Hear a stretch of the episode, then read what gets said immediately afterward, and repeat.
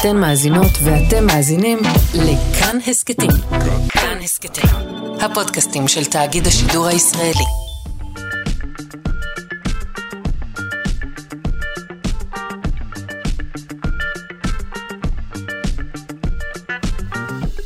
שלושה שיודעים. שלום, בוקר טוב לכם, מאזיני שלושה שיודעים, כאן בכאן תרבות, 104.9 או 105.3 FM. אה, גם הבוקר נהיה כאן עם הרבה מאוד דברים מעניינים. למשל, שוד באר עתיקה.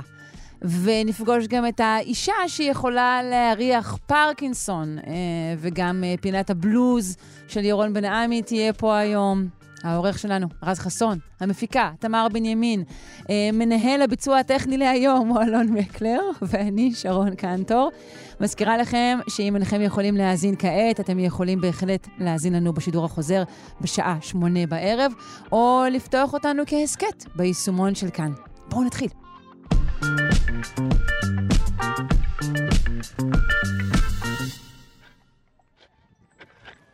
אנחנו עם אוצר חבוי, עם שודדי עתיקות.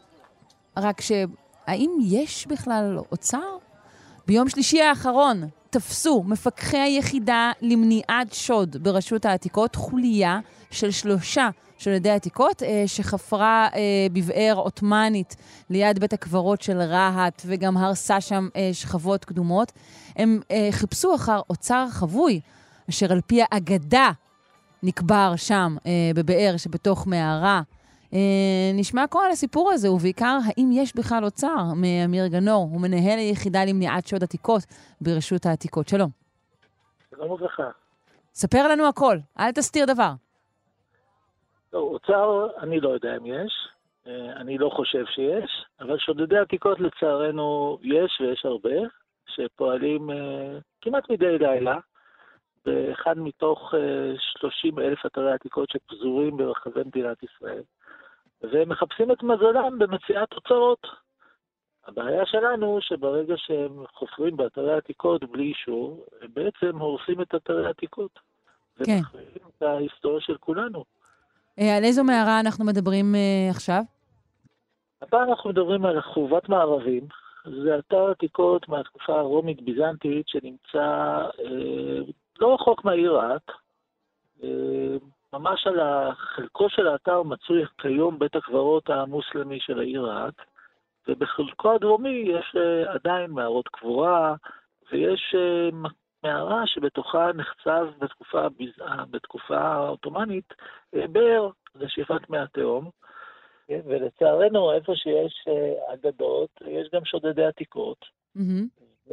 הפעם הם חפרו במערה בבית הקברות של רהט, באתר עתיקות שנקרא חורבת מערבים.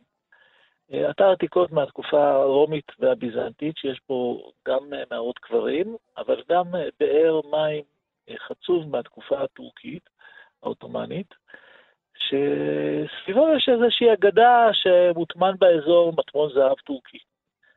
אגד, אגדות מהסוג הזה זה, זה משהו נפוץ? יש הרבה אגדות שרצות, מה המקור שלהן? על מה הן נשענות? וואו, אנחנו במזרח התיכון, האגדות והפנטזיות בנושא זהב ואוצרות הם אה, משחר הימים, מה שנקרא כאן. וכן, אה, מדי פעם מגיע איזשהו שייח או איזשהו אדם שמגיע עם מפת אוצר מטורקיה או ממקום אחר ברחבי המזרח התיכון, ונשבע בכל היקר לו שהוא יודע איפה מוטמן אוצר זהב טורקי. ורותם לטובתו אה, את האנשים המתעניינים. וכך חבורות שלמות יוצאות לחפש אה, אחר אוצר טורקי, שכמובן הכל פנטזיה, אבל בדרך הן עושות את אתרי העתיקות של מדינת ישראל. איך נודע לכם שהחוליה שם? אנחנו מפקחים באופן שוטף על רוב אתרי העתיקות במדינת ישראל, ויש לנו אתרים שהם יותר מועדים לשוד, וזה אחד מהם, בגלל שהוא גם קרוב לעיר רהט, וגם בגלל שיש שם אגדה, ובעצם אנחנו מנטרים את האתרים האלה באופן שוטף.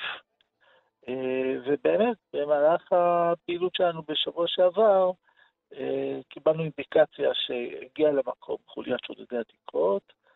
הגענו למקום, נערכנו בתצפיות, אחרי זה התגנבנו במשך זמן ארוך, כי היו על האתר מספר אנשים שחשדנו שהם התצפיתנים של חוליית השודדים, אז היינו צריכים להתגנב אל האתר בלי שיבחינו בנו. אחרי הליכה ממושכת, הצלחנו להגיע ממש עד לפתח המערה. עמדנו בחוץ למערה, ופשוט הקשבנו. שמענו את קולות החפירה, ושמענו את קולות האנשים, וראינו אדמה עפה באוויר.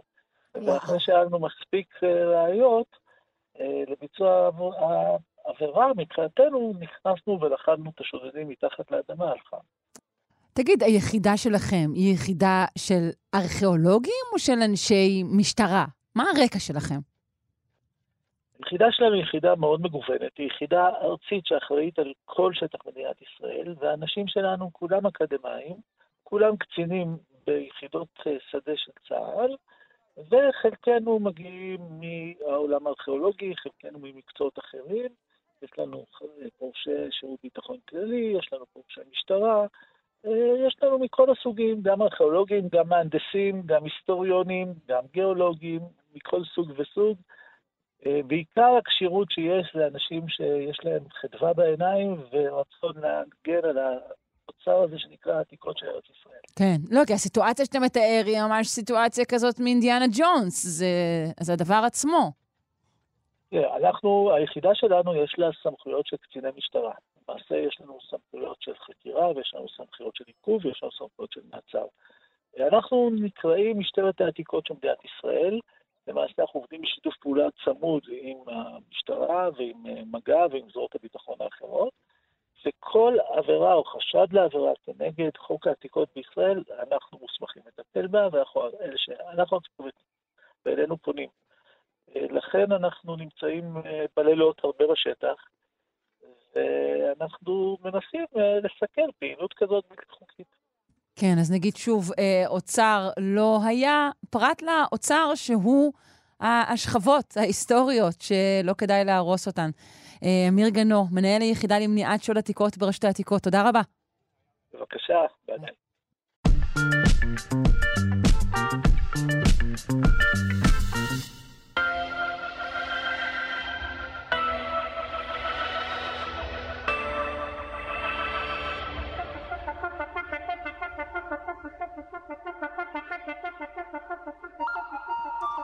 מילות השירים שאתם אוהבים עשויות לומר על חיי הרגש שלכם יותר ממה שאתם מודעים אליו. כן, כשזה מגיע לטעם מוזיקלי, אנשים נוטים, מסתבר, להעדיף שירים עם מילים שמתאימות לסגנון ההתקשרות שלהם. אמ, כלומר, בעצם זה אומר שאנשים נוטים לאהוב שירים שמפרטים את מה שעובר עליהם במערכות יחסים. שוב, לכאורה זה מובן מאליו, אבל יש כאן הרבה מאוד רבדים בלתי מודעים. נשוחח, כהרגלנו, עם הדוקטור נועה אלבלדה, ממרכז סגול למוח ותודעה באוניברסיטת רייכמן. שלום. שלום, בוקר טוב. היי, בוקר אור. אז מה המחקר הזה אה, ביקש לבדוק וכיצד הוא עשה זאת? אז המחקר הזה בעצם רצה לבדוק האם אה, סגנון ההתקשרות של אה, בן אדם אה, משפיע על השירים שהוא אוהב, ספציפית שירים שמדברים על uh, מערכות יחסים uh, רומנטיות, גם, גם ברמה האינדיבידואלית. ועוד שאלה שהם בדקו זה האם אה, אפשר להסתכל על איזשהו, נגיד, סגנון התקשרות קולקטיבי, כפי שהוא משתקף באיך ששירים משתנים לאורך השנים, תכף נסביר. אה, מעניין. כן, אבל אולי, אולי נגיד כמה מילים על מה זה בכלל אה, סגנון התקשרות, אם, אם יש מאזינים ומאזינות שלא מכירים את המונח הזה. זה מונח בעצם מאוד מרכזי בפסיכולוגיה, אה, וכשאנחנו מדברים על סגנון התקשרות של איש או אישה, אנחנו בעצם מדברים על התפיסות שלו וההתנהלות שלו בתוך מערכות יחסים רומנטיות, אה, למה הוא מצפה בתוך מערכת היחסים ואיך הוא מתנהג בתוכה. ו... בעצם אפשר לאפיין שלושה סגנונות התקשרות עיקריים. יש מה שנקרא סגנון התקשרות בטוח. אה, אלה אנשים שבתוך מערכת היחסים מרגישים uh, מוגנים, uh, מרגישים שיש להם תקשורת פתוחה עם בן או בת הזוג, מרגישים שהם יכולים לסמוך על בן או בת הזוג, שתמיד יהיו שם בשבילם כשצריך, וזה בעצם הסגנון שאנחנו שואפים אליו. אה, יש מה שנקרא סגנון התקשרות חרד, מהמילה חרדה, ואלה בעצם אה, אנשים או נשים שלא מרגישים ביטחון בתוך מערכת היחסים, אה, ומבחינה התנהגותית יש הרבה התנהגויות שבאנגלית קוראים להם קלינגי. אני לא יודעת בדיוק איך לתרגם את זה לעברית, אבל זה אנשים שמאוד, נגיד, נדבקים לבן או בת הזוג, וכל הזמן צריכים... צמידמדים. אנחנו נקרא להם. כן, וכל הזמן צריכים לקבל אישושים לזה שאוהבים אותם וחווים הרבה מאוד חרדה, כי הם מפחדים מנטישה, הם מפחדים שבן הזוג או בת הזוג לא באמת אוהבים אותם. וסגנון ההתקשרות האחרון הוא מה שנקרא סגנון התקשרות אה, נמנע, אה, שאלה שוב פעם, אנשים שבדרך כלל מצפים שמערכות היחסים שלהם לא יצליחו, זאת אומרת, באים עם איזושהי, באים עם רגשות שליליים לתוך מערכת היחסים, וההתנהגות שזה מוציא מהם זה בעצם התנהגות הימנעותית, הם מאוד מאוד אה, קרים, מרוחקים, אה, לא פתוחים מבחינה רגשית. מה שנקרא שומרים על עצמם, אם אנחנו מחמיאים לעניין הזה. נכון, מאוד מאוד מתקשים להיפתח, מאוד מאוד מתקשים לסמוך על אחרים, ושוב, כשאתה במערכת יחסים עם בן אדם כזה, איש או אישה כאלה, אתה באמת מרגיש שזה בן אדם שהוא מאוד אה, מרוחק. אוקיי. אה, אז, אז כבר במשך הרבה שנים חוקרים את הנושא הזה, וכמו שאמרתי, אלה שלושת סגנונות ההתקשרות העיקריים שאופיינו.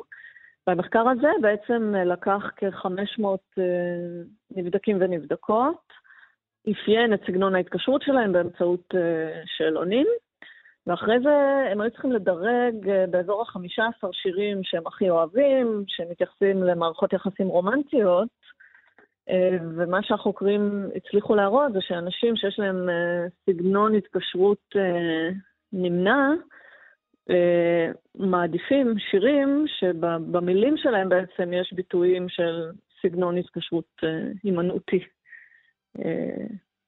שוב, אנשים אומרים לעצמם, אוקיי, כן, ברור שאני מעדיף דברים שמייצגים אותי. נכון, אז, אז הם, הם בעצם אומרים שכשאנחנו עושים, אה, מקשיבים לשירים, בוחרים לאיזה שירים להקשיב, ואיזה שירים אנחנו אוהבים, זה לא, זה לא סתם העדפה, אלא זה באמת אנחנו נוטים להתחבר לשירים שאו מייצגים איזה שהם קווי אישיות שלנו, או מתחברים לאיזשהו צורך שיש לנו. אבל לעתים מעלים... זה גם, כמו שאמרתי, זה, זה יכול להיות גם, גם לא מודע, נכון? כלומר, אנחנו יכולים לעשות אולי גם הקשה הפוכה. ולהסתכל על רשימת השירים שהם השירים האהובים עלינו, זה בהנחה שאנחנו שומעים טקסטים, יש בינינו אנשים שלא כך שומעים טקסטים, אבל עליהם בפינה אחרת. לקחת את הרשימה הזו, לבחון את המילים שלה ואולי ללמוד ממנה על אופני ההיקשרות שלנו, נכון?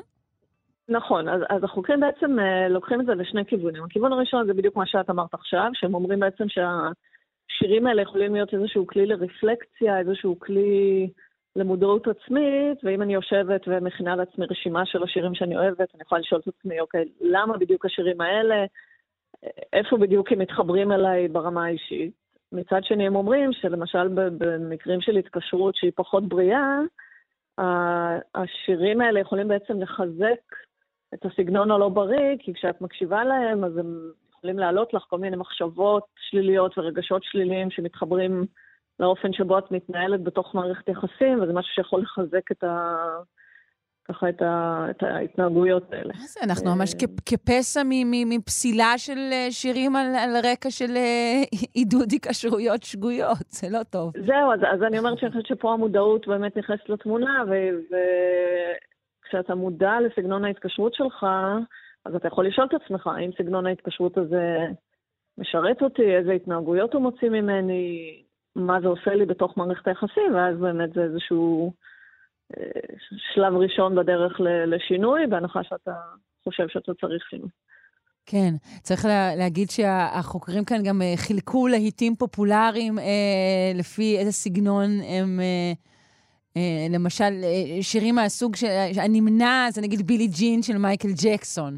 אמ, שירים של הסגנון החרד, זה Police, Every Breath You Take, אז אפשר נכון. היה לנחש את זה, או Wrecking Ball של מיילי סיירוס. אה, שירים מגינים, יש לנו כאן את Love Me Do אה, של הביטלס, למשל, או Wouldn't It Be Nice של הביץ' בויז. Uh, וכו', זה נחמד. אני רוצה לשאול אותך על, ה, על, ה, על הפן הרחב, התרבותי, שציינת, שזה uh, מסקרן מאוד. מה הם גילו לגבי זה?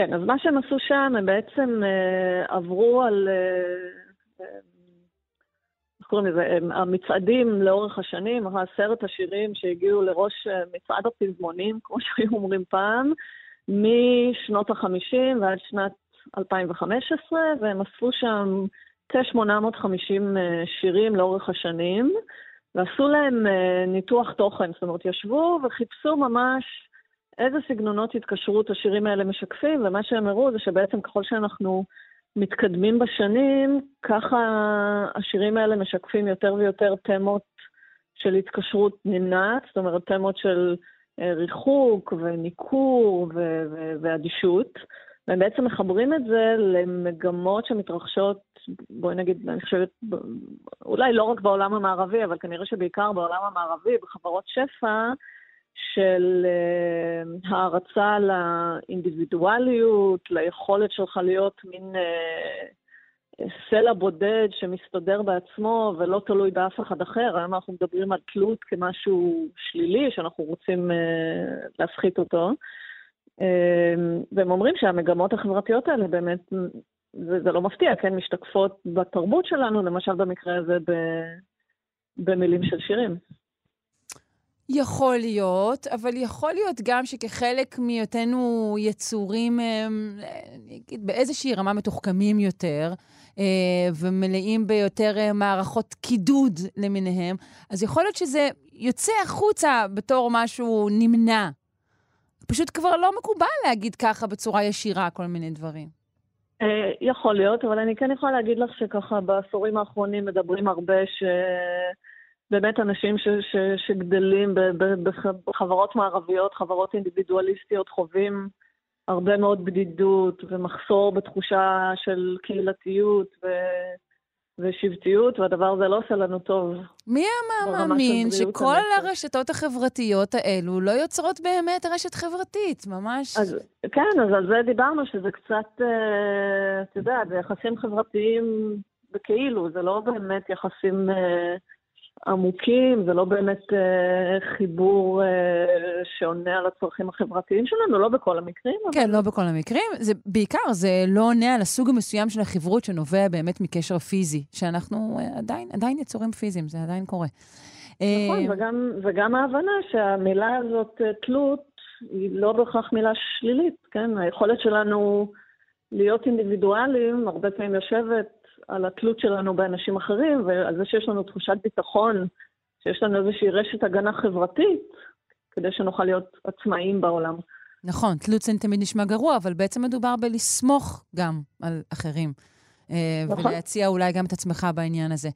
אה, נכון. טוב, אז אנחנו מזמינים את uh, מאזיננו לבחון את המילים של השירים שהם אוהבים כדי ללמוד משהו על עצמם, ולבחון את המילים של השירים הפופולריים ביותר במצעדים, כדי ללמוד משהו אה, על היחסים בחברה שלנו היום. תודה רבה לך, אה, דוקטור נועה אלבלדה, ממרכז סגול למוח ותודעה באוניברסיטת רייכמן. להתראות. בשמחה, בוקר טוב. ביי.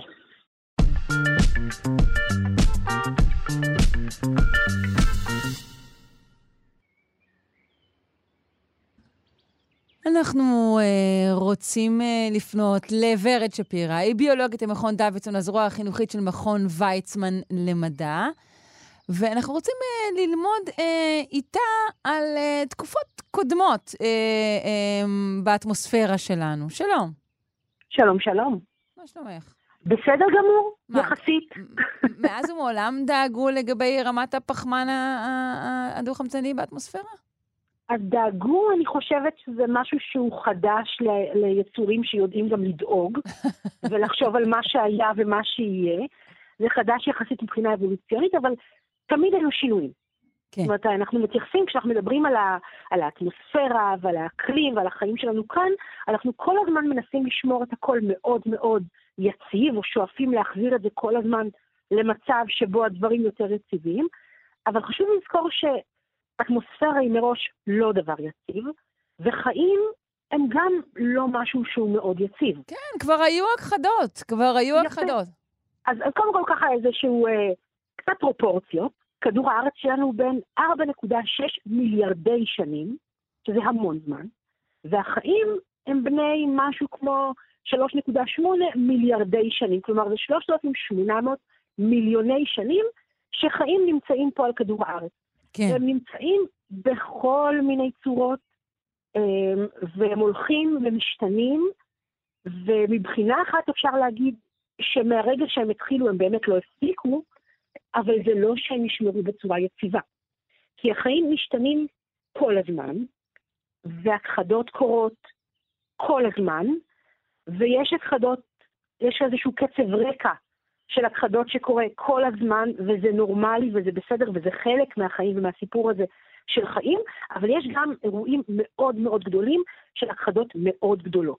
אוקיי. עכשיו, אנחנו כיצור דואג, נסתכל אחורה על, ה, על המאזן הזה ועל הממצאים הגיאולוגיים שיש לנו, ואנחנו יודעים לעשות ככה, להסתכל על הדברים, להסתכל על מאובנים, לתארך סלעים ולהגיד מתי היו כאן הכחדות גדולות, ולנסות לחשוב למה זה קרה. כי אנחנו כיצור דואג כל הזמן חושבים שאם נבין את העבר, אולי נדע להשפיע ולזהות ולשמור על עצמנו בעתיד. ממש טבענו כאן מונח, ההומו דאגנוס. כן. לגמרי. עכשיו, אנחנו, מדבר, אחת ההכחדות המאוד מאוד גדולות שקרו בהיסטוריה, קרו בתקופה שלפני כ-400 מיליוני שנים, בסוף תקופת הדבון, בתור, סוף תור הדבון, מהמם. ושם אנחנו רואים הכחדה מאוד מאוד גדולה, של משהו כמו 60 אחוז מהיצורים בים פתאום נעלמים, ויש איזשהו שפל במגוון היצורים במשך כמה עשרות מיליוני שנים, אנחנו רואים שפל במגוון היצורים, ואנחנו מנסים להבין למה הדבר הזה. זה היה תהליך ארוך מאוד, אבל היה לו גם איזה פינאלה ככה טוב שחיסל את העסק, או שזה היה פשוט תהליך ארוך, מתמשך? אז אנחנו לא יודעים להגיד אם היה כאן איזשהו פינאל, אבל אנחנו רואים שזה תהליך מאוד מאוד ארוך, ושוב, אנחנו מסתכלים על זה בעיניים, אנחנו מסתכלים לאחור, אנחנו מסתכלים במאובנים, ואנחנו מסתכלים בממצאים ובשכבות סלע שמתוארכות לאותן תקופ, לאותה תקופה.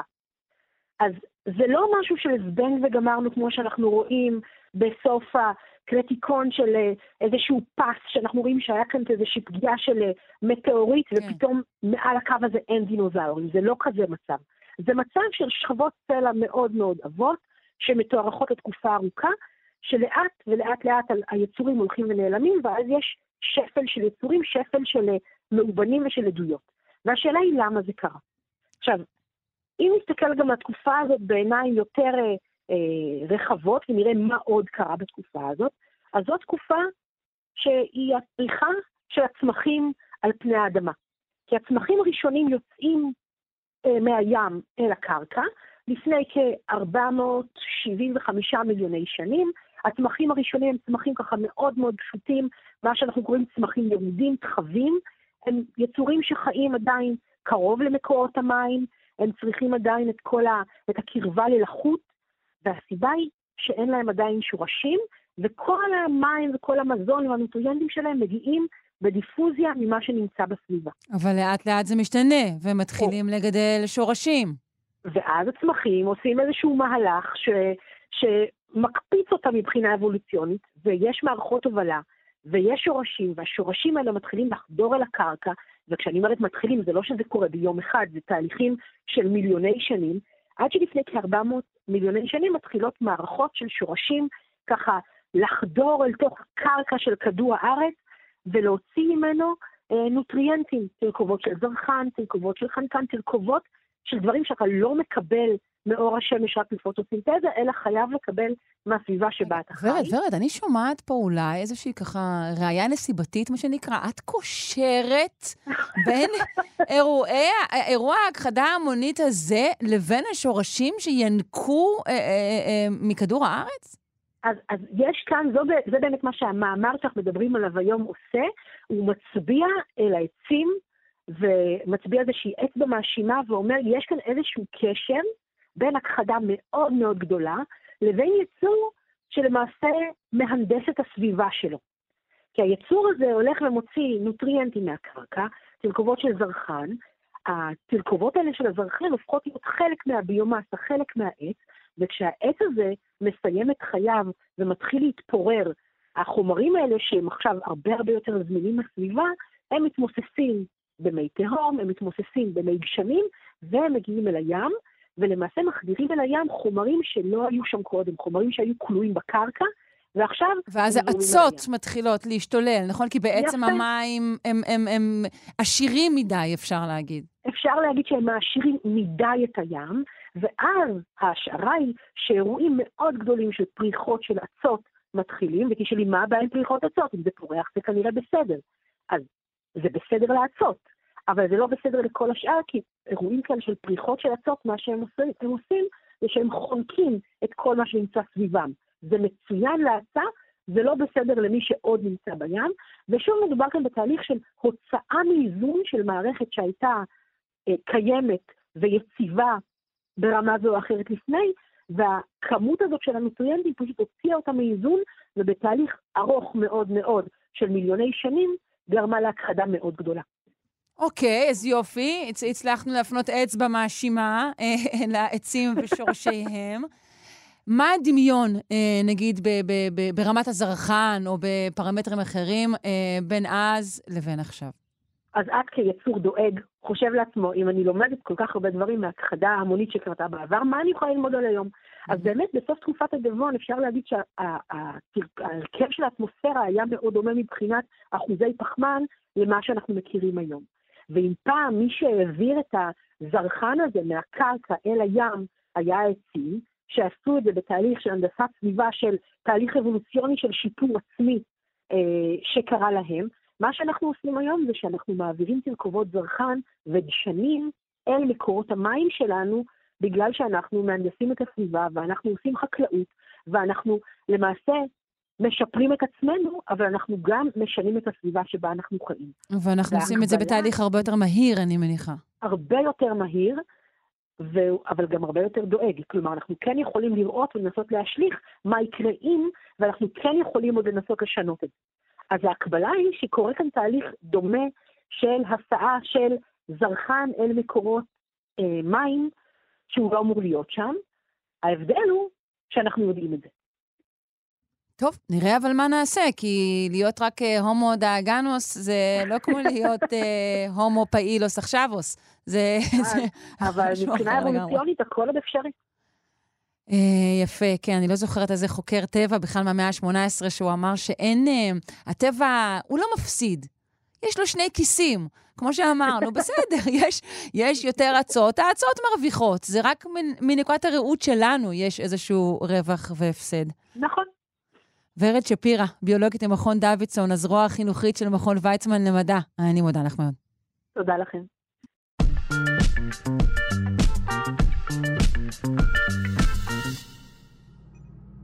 זה נשמע כמו בדיחה, ואולי בדיחה סרת טעם או ריח, אבל זו לא בדיחה.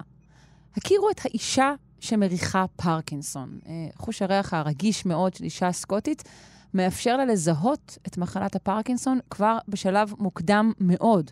הרבה לפני שהחולים מתחילים אה, לחוש אה, בפועל, בתסמינים. נשמע על התופעה הזו מהפרופסור רפי חדד. הוא חוקר מוח ואת מנגנון הערכה ממרכז אה, גונדה, אני חושבת כך זה נאמר, לחקר המוח באוניברסיטת בר אילן. שלום. שלום רב. אה, אז האישה הזו, מה, היא, היא, יש לה פשוט יכולת מיוחדת אה, להערכה? היא מריחת על שכזו? אה, ככה זה נראה. יש אנשים שיש להם אה, יכולות רגישות בכל מיני דברים, בכל מיני תחומים, בשמיעה או בראייה. אז מסתבר שגם בריח אה, יש לה יכולת אה, לזהות אה, את החומרים המסוימים האלה כנראה, שנמצאים אצל חולי פרקינסון. זהו, זה כאן, לא כאן אנחנו נכון. שואלים, מה פתאום שלחולי פרקינסון יהיה בכלל ריח, וריח של מה זה? אוקיי, אז לכל אה, כל מחלה יש בעצם איזשהו שינוי בחילוף החומרים שלנו. או לא לכל מחלה, אבל הרבה מחלות. והחילוף, שינוי, בחילוף החומרים גורם לכך שההפרשות שיש לנו בגוף יכולות להיות טיפה שונות, או בשתן, או בדם, או בזיעה, או בשכבת השומן שיוצאת אה, מהעור שלנו.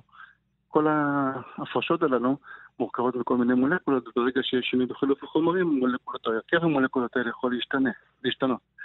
ייתכן שאצל האישה הזאת יש לה רגישות לחומר מסוים, או לקומבינציה של חומרים מסוימים, של מולקולות מסוימות, שאותן היא קולטת. לא בהכרח אומר שהיא רגישה לכל הריחות, אבל יש לה חוש ריח מטורף, יכול להיות שיש לה ספציפית לריח הזה.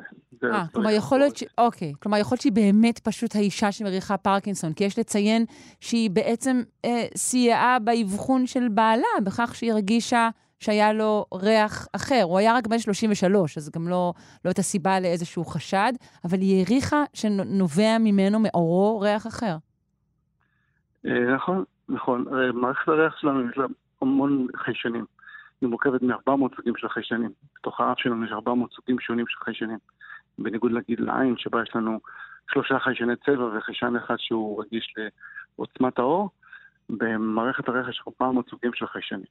אז ייתכן שסוג מסוים, קבוצה של חיישנים אצלה מאוד, uh, התפתחו מאוד טוב, או, ש... או שהם יש להם הרבה העתקים, ולכן היא רגישה, הייתה רגישה לריח הספציפי שהופרש בחולי פרקינסון. האם ניתן לקחת את היכולת הזו ולזקק אותה, לתעל אותה לאיזושהי מערכת שתעשה משהו דומה? אז החוקרים שחקרו את האישה הזאת, האישה הזאת התחיל כאנקדוטה שהיא זיהתה את בעלה, ואחרי זה היא הרגישה שהריח הזה, אה, היא מוצאת אותו, היא מרגישה אותו גם בקבוצות תמיכה של חולי פרקינסון, אז היא הבינה שבעצם אולי היא עלתה על משהו, אז הם חקרו אותה, עשו עליה ניסוי של, נתנו לה 15 אנשים, שבעה מתוכם אה, חולים ושמונה לא חולים, לפחות לפי דעת החוקרים, נתנו לה לארח, נתנו לה לארח את החולצות שלהם, והיא זיהתה שבעה, והאנקדוטה הייתה שהיא זיהתה שמונה בעצם, כאילו טעתה באחד, אבל אחר כך התברר שהשמיני גם היה חולה. כלומר, היא אמרה על אחד מהבריאים, היא אמרה שהוא חולה, אז הם אמרו שהיא פספסה, בסוף הסתבר שהיא לא פספסה כי הוא, הוא פשוט היה בשלבים מוקדמים מאוד של המחלה. בדיוק, זה התגלה כבר בערך, אני חושב ב-2012, הממצא הזה התגלה, מה שעכשיו הם עשו, בשנה האחרונה, זה שהם לקחו את הריחות הללו וניסו לזקק אותם בעזרת מכשיר שנקרא GCMS. זה מכשיר שיכול לקחת אה, חומר שהוא מורכב מהרבה מאוד סוגים שונים של מולקולות ולהפריד אותם. ואז אתה יכול לראות ממה מורכבים המולקולות השונים, השונות שנמצאים בתוך התערובת הזאת. אז הם זיהו בעצם תת קבוצה של מולקולות שהם חושבים שהם הסיגנצ'ר, הם החתימה של מחלת הפרקיסון. אז אם נפתח חיישן שיכול להגיב למולקולות הללו, GCMS סוג של חיישן, הוא מכשיר מאוד גדול ולא כל כך נוח, אה, אז בעצם יהיה אפשר לזהות פרקינסון לא בעזרת אישה אחת שיכולה לעשות את זה, אלא בעזרת מכשיר, כמו שישב בתוך מה אולי בכל מרפאה של רופא. כן. אני מבינה ממה שאמרת אה, בפתיחה של דבריך, שבעצם אה, כל מחלה, כל, כל יציאה מאיזון מביאה להפרשה של ריחות, להפעלה של מולקולות. זו, זו בעצם סיסטמה שניתן ליישם על, על הרבה מאוד אה, מצבים, לא?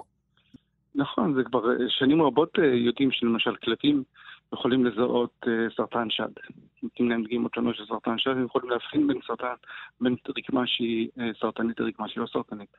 סרטן עור, גם יש כל מיני סיפורים על כלבים שהרגישו אצל הבעלים שלהם, שאיזשהו uh, נקודת חן מוזרה uh, מתחילה לריח להם מוזר, והם ממשיכים לארח אותה שוב ושוב. אה, כלומר ידענו שהם מבחינים בכך בגלל שהם נמשכו ורכרכו את הנקודה הזו כל הזמן? בדיוק, עשו לזה ניסויים, לקחו כלבים, ויש היום כלבים שיודעים, אפשר לאמן אותם שיזדהו כל מיני סוגים של סרטנים, מסרטן ריאות לסרטן אה, מלנומה, ל, אה, אה, לסרטן אה, בלאדר בתוך השתן, אה, כל מיני סוגי סרטנים. עם חוש הריח אפשר לזהות כנראה לא מעט מחלות, לא רק סרטנים, סוכרת כמובן, זה כבר אלפי שנים יודעים שסוכרת אפשר לזהות בעזרת חוש הריח, או בנשימה או בשתן. שינוי חומרים בתוך הגוף, מתבטא בשינוי בריח של חלק, מה, של חלק מההפרשות שלנו, אם יש לך חיישן רגיש, אז אפשר בהחלט לזהות את זה. כמובן שזה עוד אתגר להפוך את זה לאיזשהו מכשיר שיאפשר לנו אבחון איכותי יותר. כן, אה, נראה שככלל, אה, חוש הריח, כלומר, אתה מתאר דברים מדהימים, אבל ביום-יום שלנו חוש הריח אה, קצת נדחק אה, לאחור, לעומת אה, חוש נכון. הראייה כמובן, וחוש השמיעה.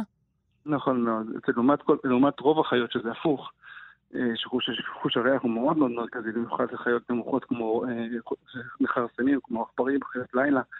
אצל בני אדם, מאז התפתחות הראייה והשמיעה, חוש הריח נדחק לאחור, אבל אנחנו יכולים להסתדר היטב בלעדיו, אבל זה בעצם עוד שכבה ענקית של מידע שנמצא בעולם, שאולי בגלל שאנחנו פחות אה, צורכים אותה ונדרשים לה, אנחנו קצת מתעלמים ממנה, אבל זאת שכבה עצומה של מידע שיש לנו על העולם. תסתכלי על זה כמו... גלי רדיו שאיננו רואים, אבל ברגע שהבנו שיש דבר כזה, ניצלנו אותם לטובת האנושות בצורה מדהימה. גם חוש הריח קיים בעולם, חזק מאוד, יש המון המון מידע שאפשר לשאוב ממנו, ורק צריך לעשות את זה. האם אה, היינו בעלי חוש ריח מחודד יותר אה, כשהאוויר היה מזוהם אה, פחות, כשהיו פחות אה, ריחות אה, כימיים אה, באוויר? אני לא יודע לענות על שאלה כזאת, אני בטוח שהיינו בעלי חוש מחודד יותר כאשר השתמשנו בו יותר. אה, וזה היה חלק מרכזי מהחיים שלנו.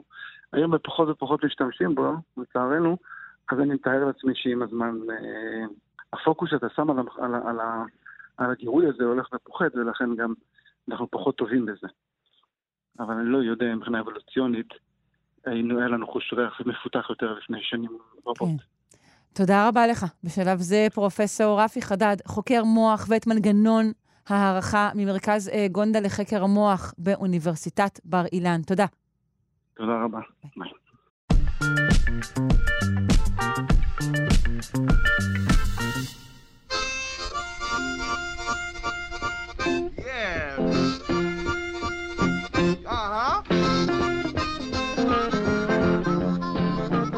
איזה כיף לסגור את השעה עם ההיסטוריה של הבלוז, עם ירון בן עמי, מוזיקאי וחוקר בלוז, אה, ובעליו של העמוד, Just as blues was beginning, היי. Hey. היי. Hey.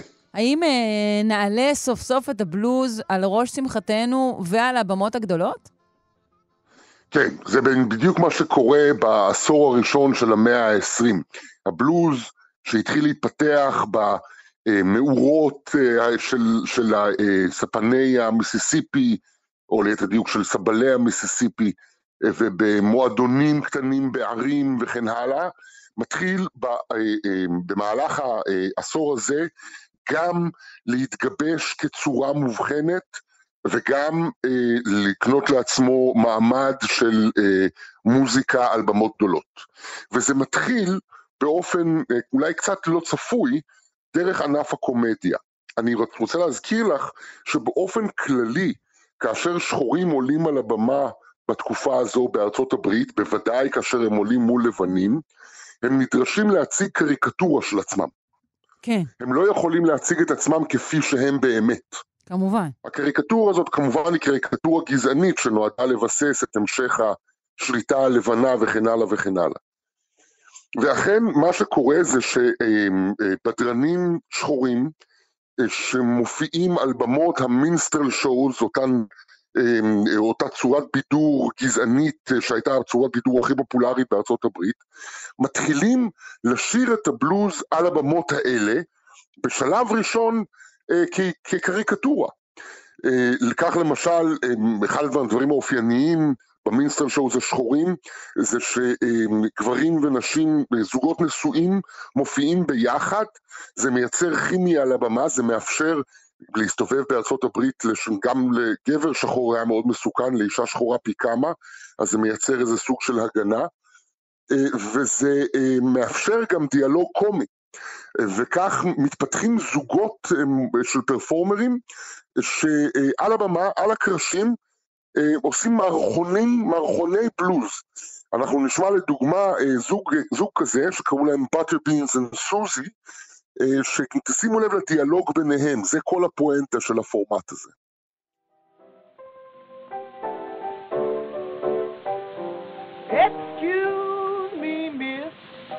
I'm asking you this. Who can your good man be? None of your business. You on my mind all the time. You looking good to me. And it's here, brother. Now the man I got, he's a hard-working man. He works hard all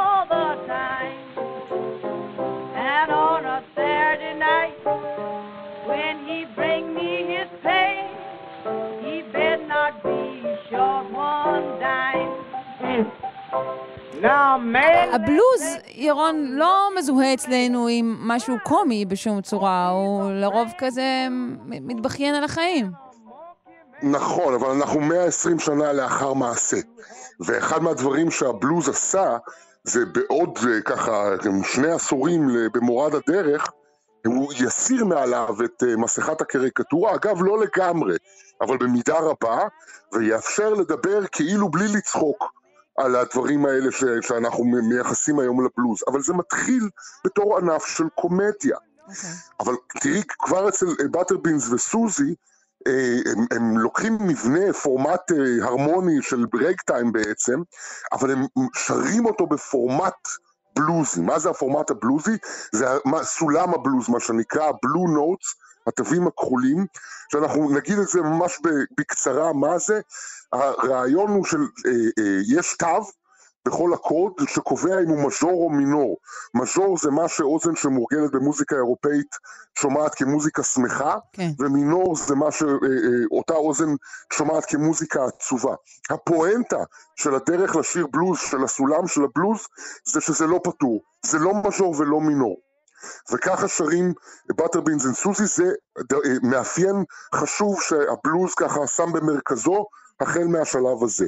עוד מאפיין שהוא שם החל מהשלב הזה, זה הפורמט של הטקסט שלו, אוקיי? זאת אומרת שתי שורות, ואז שורת פואנטה, אם נקרא לזה ככה. שורה, שורה חוזרת על עצמה, ואז פואנטה. זה הרי מבנה, אם תחשבי על זה רגע, מה זה להגיד משהו, להגיד אותו שוב, ואז לתת פאנצ' ליין? זה פורמט של מה? של בדיחה. אה, אוקיי, הלכתי להגיד תזה, אנטיתזה וסינתזה, בסדר. אבל כן, זה פורמט של בדיחה. את יודעת שכל תזה, אנטיתזה וסינתזה נשענות על פרוטזה. אבל, זה, אבל זה, זה פשוט אה, פורמט של בדיחה, משום שכאמור הבלוז מתחיל את דרכו, מתגבש ליתר דיוק על הבמה, בתור ענף של קומדיה. בחוץ, בשטח, יש פורמטים אחרים. יש שורה פאנץ' ואז החזרה. יש אה, אה, שורה ואז חזרה על פאנץ' פעמיים. אבל הפורמט שתופס הוא הפורמט של שורה, לחזור עליה, ואז פאנץ' ליין. בדיוק הפורמט של בדיחה. הדבר השלישי שהוא אה, אה, מקבל ככה כפורמט, כז'אנר, זה את המבנה ההרמוני שלו. ועדיין את המהלך הזה מוליכות נשים גם בבטרבינס יש כמובן את סוזי וגם אה, נשים כמו איידה קוקס שלצלילי כלים חדשים במוזיקה השחורה, גיטרה ומנדולינה מתחילה לשיר גם היא את הבלוז על הבמות הגדולות של הוודוויל. בואי נשמע אותה רגע.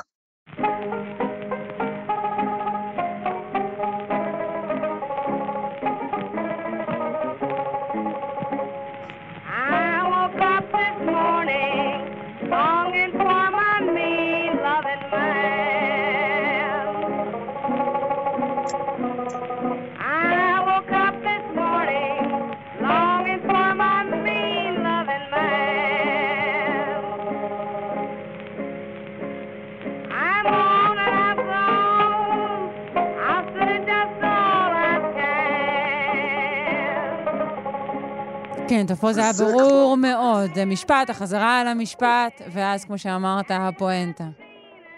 וזה תופס, זה הפורמט שתופס, והוא חוזר אחר כך מן הבמות הגדולות חזרה אל המוזיקה העממית והופך להיות אה, ככה גורם אה, מאפיין את הבלוז.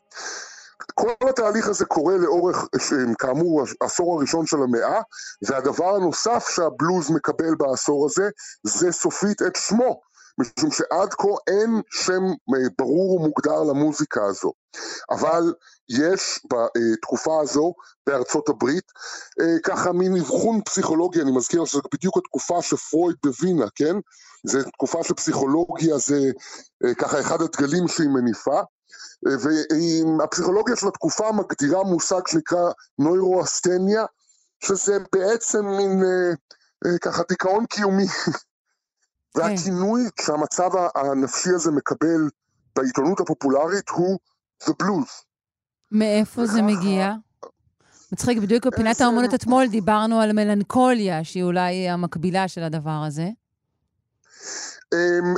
כן, אני, אני מוכן לנהל ויכוחים של שבועות, האם, למה מלנכוליה ובלוז זה שני דברים שונים, אבל אה, זה, אה, המקור של הביטוי הוא מהמאה ה-16 באנגליה, זה בלו דבלס, אבל כבר הוא קיים בתרבות האמריקאית כ-The Blues אה, מאה שנה בשלב הזה. Okay. פה, אוקיי. אבל הוא זוכה לפופולריות אדירה, משום שהמצב הפסיכולוגי הזה הופך להיות נושא נפוץ לדיון בכל העיתונים, Mm. המילה הופכת להיות Buzzword והיא נצמדת לסגנון המוזיקלי הזה, וכך אנחנו נתקלים לראשונה בדיווח על הופעה של שחורים שכולל את המילה בלוז.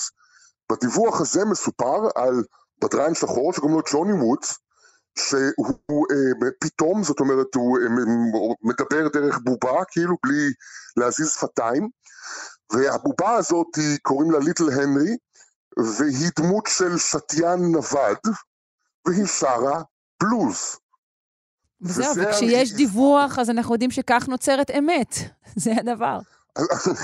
אז אנחנו, כשיש דיווח אנחנו יודעים שהמושג מתחיל להיקלט, כן. אוקיי? אם, אם מדפיסים כבר שקוראים למוזיקה הזאת The Blues, סימן שהציבור כבר מכיר את המושג, ואני מזכיר לך שוב, שפתאום עם אה, אה, בובה מדברת, זה ענף של קומדיה. ולכן זה לא מפתיע שכאשר מגיע, בשלב הבא, הגיבור, הכוכב הראשון של הבלוז, הוא בעצם בעצמו ענף של קומדיה, הוא בחור ארוך ודק, אז הכינוי שלו הוא String Bean, אבל שמו האמיתי הוא באטלר מיי, והוא מנגן על פסנתר בצורה משולחת רסן, שר שירים מצחיקים וגסים נורא, אה, לא, החברה המכובדת לא הייתה רוצה לשמוע אותם, זה מגדיר לנו היטב מיהו הקהל של הבלוז, והוא ממציא מהלך מוזיקלי. בואי נשמע רגע את המהלך, זה ממש חמש שניות. בואי נשמע אותו רגע.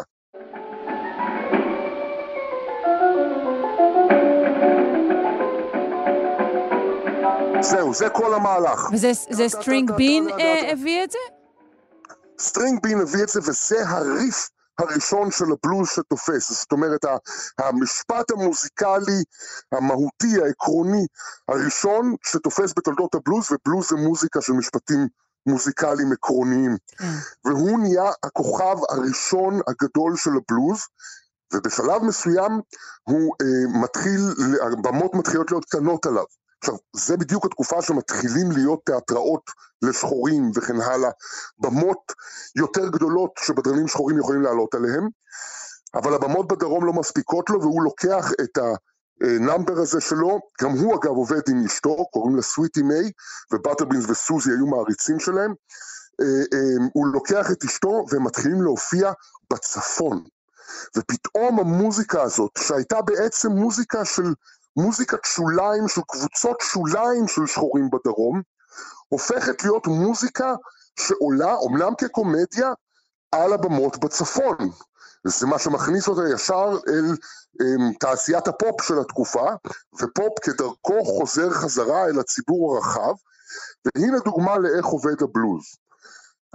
באטלר מיי, שהוא כוכב על במות גדולות וכן הלאה, ממציא line על פסנתר.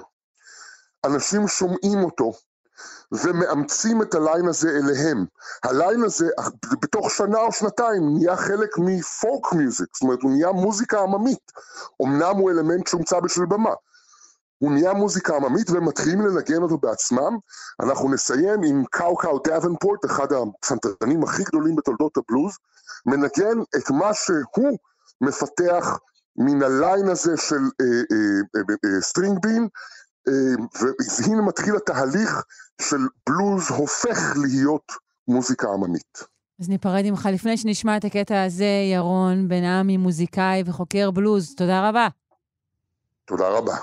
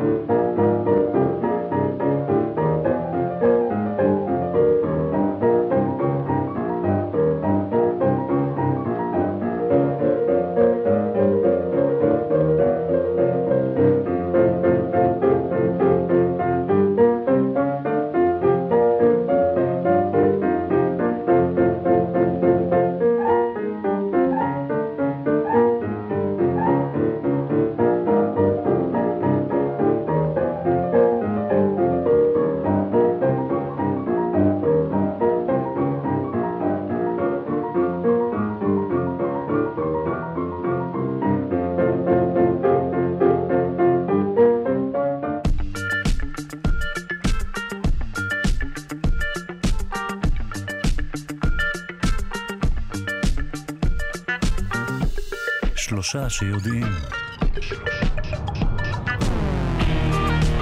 טוב שהצטרפתם לשעה השנייה שלנו, שלושה שיודעים, כאן בכאן תרבות, 104.9 או 105.3 FM.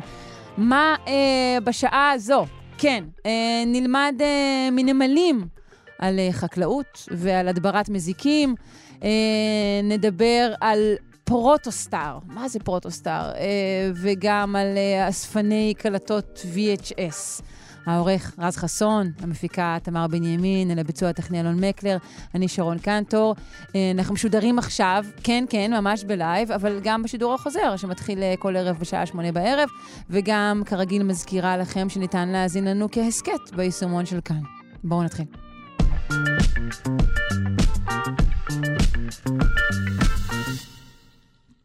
לכו אל הנמלה, עצלים. Uh, זה כמובן uh, לא הפעם הראשונה בהיסטוריה uh, שאנחנו קוראים לעצמנו ללמוד כמה שיעורים מן הנמלים, אבל הפעם זה מדעי. נפנה לדוקטור אייל פריבמן, אנטומולוג, חוקר אבולוציה של חרקים חברתיים מאוניברסיטת חיפה, מהמכון לאבולוציה והחוג לביולוגיה אבולוציונית וסביבתית. שלום, בוקר טוב. בוקר טוב. אנחנו רוצים לדבר, היי, על, על שיטות חקלאיות של נמלים ומה כן. אנחנו יכולים ללמוד מהן, נכון? כן, זה די מדהים, שלא, אנחנו חושבים שאנחנו המצאנו איזה טריק מדהים, החקלאות הזאת, שבזכותה אנחנו משגשגים כל כך... כן, uh, המהפכה החקלאית שלנו, כן. כן, מסתבר שחשבו על זה לפנינו, הרבה זמן לפנינו. אוקיי. Okay. אה, בואו נבין, אנחנו בטח לא נוכל לדבר על כל החקלאות הנמלית, אבל אה, נביא אה, כמה דוגמאות, נכון? כן, בואו נדבר קודם כל על, על, על, על נמלים שמגדלות פטריות.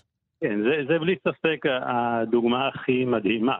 זה, זה לא סתם איזה נמלה איפשהו בג'ונגל, זה פשוט שבט אדיר, זה אימפריה מטורפת של הרבה מאוד מינים שונים, לפחות 200 מינים שונים של נמלים, שבמשך מיליוני, לפני עשרות מיליוני שנים התחילו בעצם את המהפכה החקלאית שלהם, שהם מגדלים פטריות. אנחנו מגדלים צמחים כמו חיטה, הם מגדלים פטריות.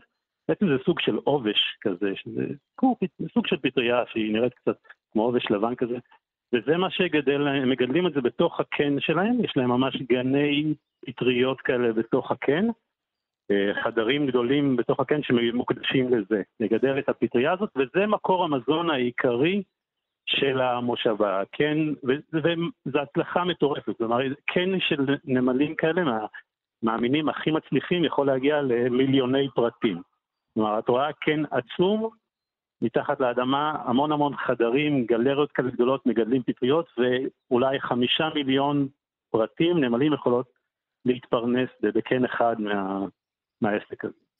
אנחנו, כשאנחנו משליכים בעצם על נמלים את המילה הזו, ואנחנו אומרים נמלים מגדלות, מה הן כן. עושות בפועל?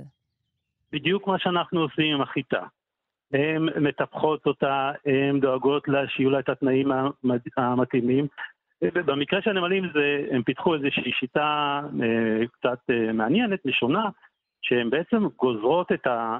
הנמלים הכי מפורסמות שבטוח ראיתם ב-National Geographic ככה, הסרטונים שלהם, שהן סוחבות את העלים, גוזרות את העלים הירוקים של העצים בג'ונגל וסוחבות אותם ככה בטור ארוך אל הקן, אבל הן לא באמת יכולות לאכול את העלים, הן משתמשות בעלים כמצע גידול לפטריה. והפטריה היא בעצם מי שיודעת לעכל את התאית שמאוד קשה לעיכול בעלים, ולהפיק מזה את, ה, את החומרים, את כל הנוטריאנטים, את כל.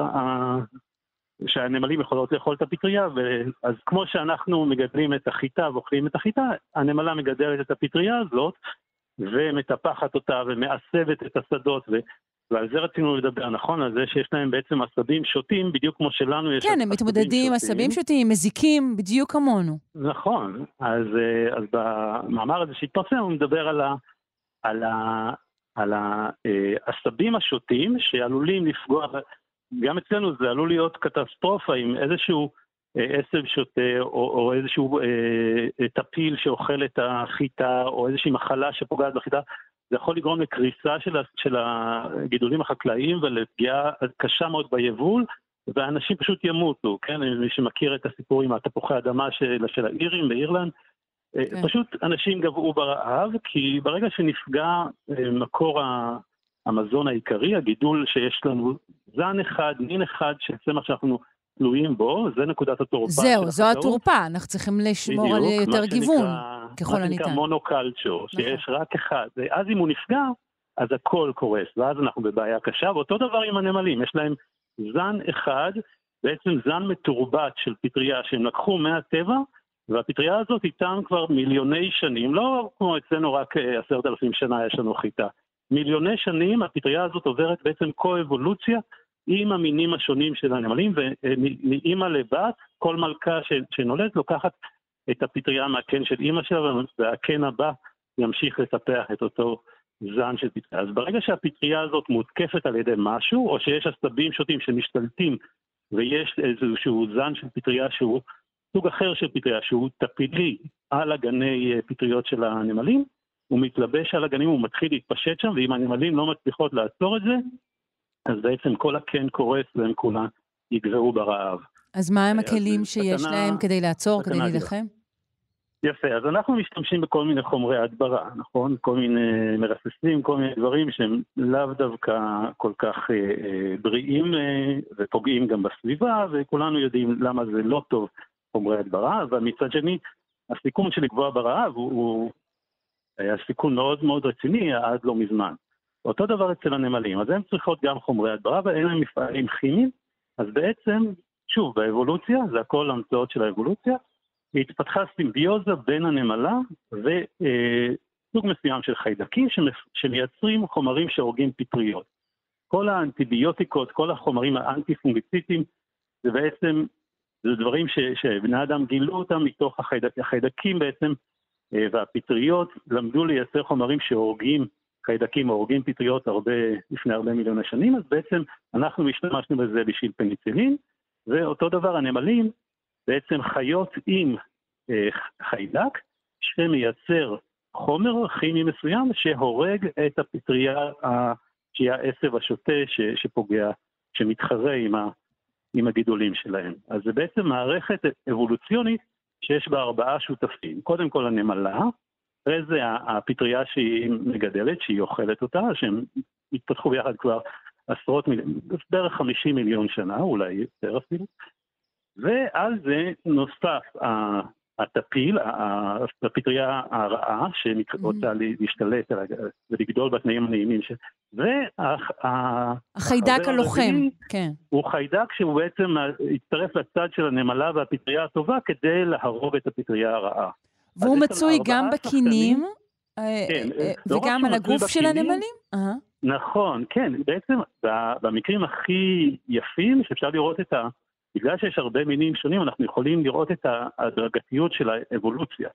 שקודם מתפתח משהו אחד ואחרי זה משהו אחר, אז במקו, ב, אפשר להגיד בדרגה הכי גבוהה של התחכום שהמערכת הגיעה אליה, אז בעצם הנמלה פיתחה אה, מקומות מיוחדים בגוף של הנמלה שמיועדים לאחסן את הפטריה הזאת. הפטריה ממש גדלה על הגוף של הנמלה בתוך שקעים כאלה מיוחדים שהם נוח להם שם, והנמלה דואגת לפט... לחיידק הזה שיהיה לו שם, שיהיה לו טוב שם, שיוכל לגדול שם, והחיידק הזה מייצר את החומר שהחקלאיות האלה משתמשות בו כדי להדביר את הפטריה הרעה. אז זה ממש, כאילו החקלאי, כחלק מהגוף של החקלאי, תחשבו שיש יש איזשהו מנגנון טבעי שמייצר חומרים, חומרי הדברה. זהו, אתה מתאר פה באמת את, טבעיים. את, את ארבעת השחקנים האלו, וזה הכל מנגנון טבעי, כלומר, בניגוד לכל מאמצינו ופרכוסנו, נראה שהנחה על הטבע לעשות את שלו. אנחנו רק עשרת אלפים שנה, אנחנו רק אה. עשרת אלפים שנה בעסק הזה, עוד לא הספקנו ל... הם, הם פי אלף יותר זמן. זאת שאלה של ניסיון, את אתה אומר. נו, מה לעשות? מה, לא יכולה בעשרת אלפים שנה לעשות מה שהם עשו בעשרה מיליון שנה, זה יותר בעצם.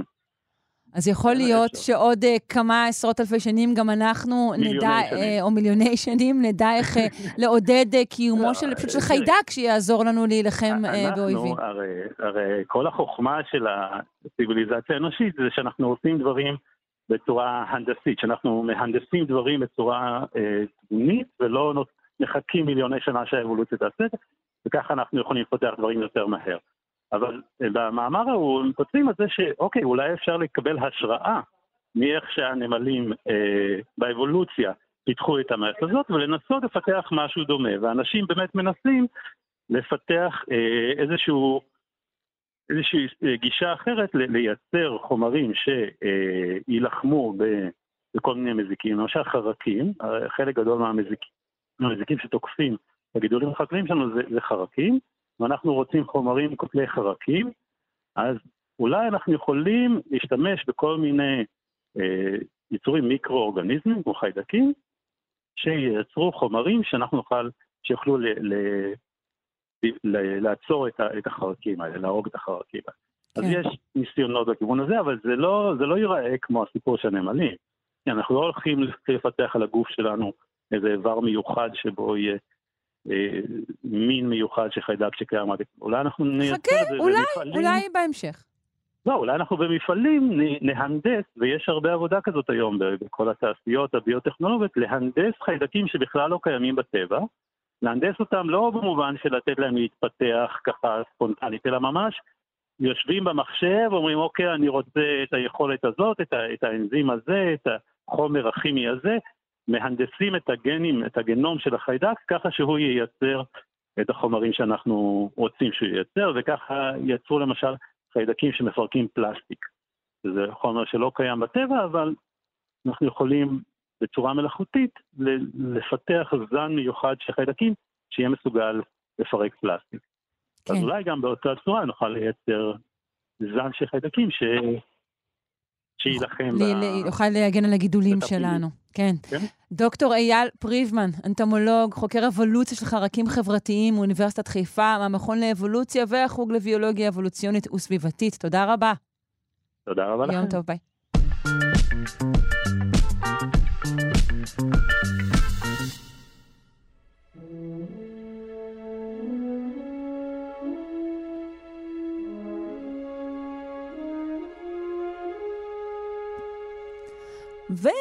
ואנחנו עם השעשועון הענק, כוכב נולד. אה, לא בדיוק, אה, נאס"א פרסמה תמונה חדשה אה, שצילם טלסקופ החלל ג'יימס ווב, אה, שמראה, כן, סוג של כוכב נולד, זה בעצם קדם כוכב, protostar.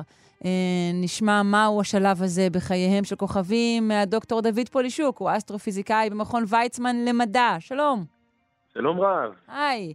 אז אה, מה זה קדם כוכב? זה השלב המוקדם, המוקדמות של הכוכבים? כן, אנחנו עוד לפני הגמר. אנחנו לפני כן. הגמר בניצנים. בדיוק. אה, אה, אנחנו מדברים פה על בעיקר בלאגן. אה, ענן שהתחיל, ענן של גז, של אבק, שהתחיל להסתחרר, ובאיזשהו שלב נוצרה במרכזו מעין דיסקה כזאת, והחומר הולך ונדחס פנימה יותר ויותר, ומתחמם מאוד, אה, וממנו ייווצר הכוכב. כלומר, אנחנו יודעים לא שכשיש התאבכות כזו והפיכה לדיסקה, זה אומר שכאן ייוולד כוכב. זה לא יכול ללכת לכיוון אחר? אה, אה, לא, סליחה, אני אסייג את עצמי, זה תלוי במסה, כלומר בכמות החומר. Mm. אם יש לך מספיק חומר, ייוולד כוכב. סטאר קואליטי. אני אוהב את ה... לאן השיחה הולכת. כיוונים של המוזיקה. אמ, אם יש מספיק מסה, אז ייווצר כוכב. אה, אם, או, או, למה ייווצר כוכב? כי מספיק מסה מאפשרת חום ולחץ מספיק גבוהים כדי לגרום לתהליך הפיזיקלי החשוב ביותר פה, שהוא היתוך גרעיני. שאת לוקחת אה, את היסודות עצמם, הקטנים ביותר, כן, את הפרוטונים של מימן, והלחץ הגדול הזה מצליח לאחד אותם אה, בתהליך של היתוך גרעיני לכדי היסוד הכבד יותר, שזה אליום. זה, זה מה שקורה בכוכבים, השלב הזה.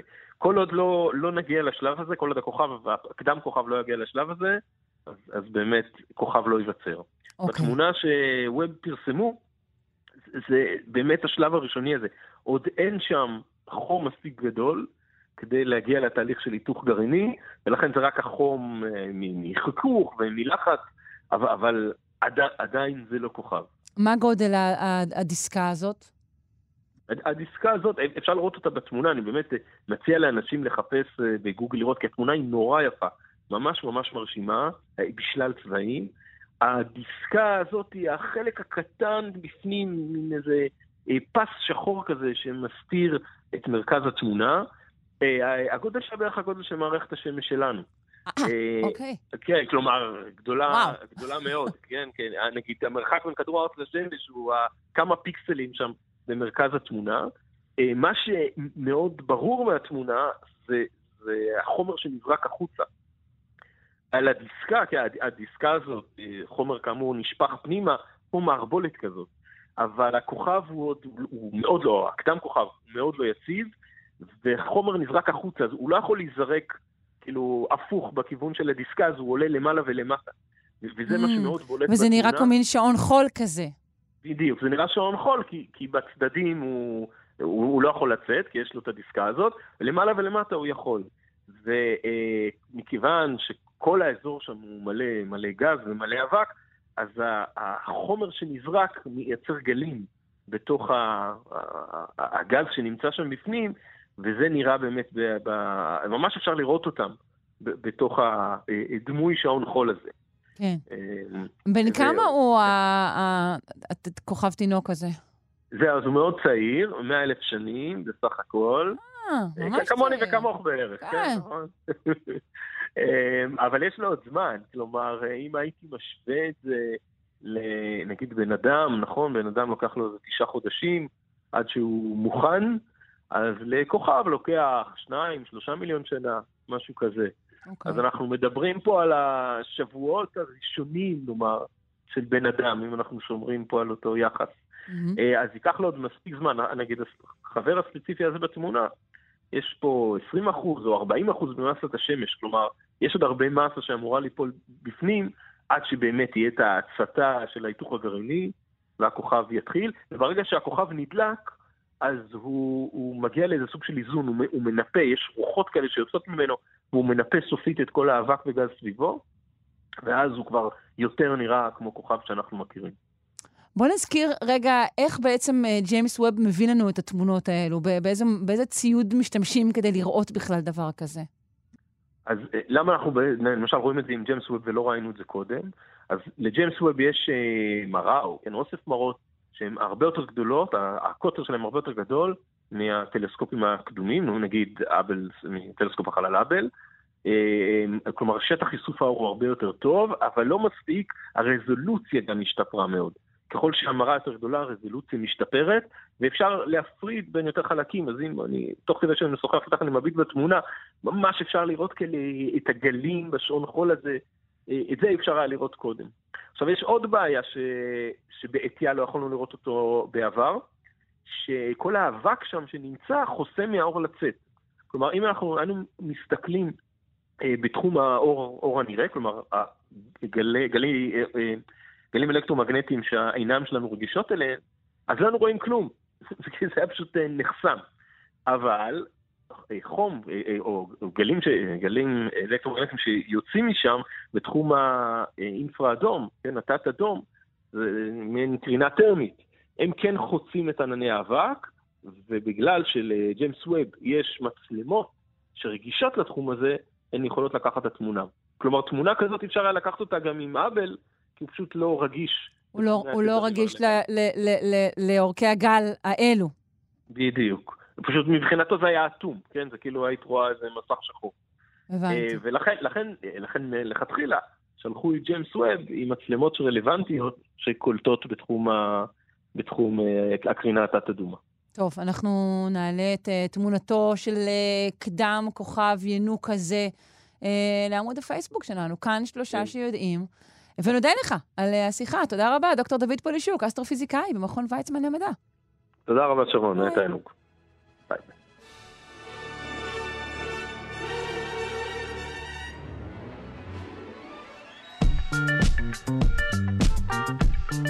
כשמדובר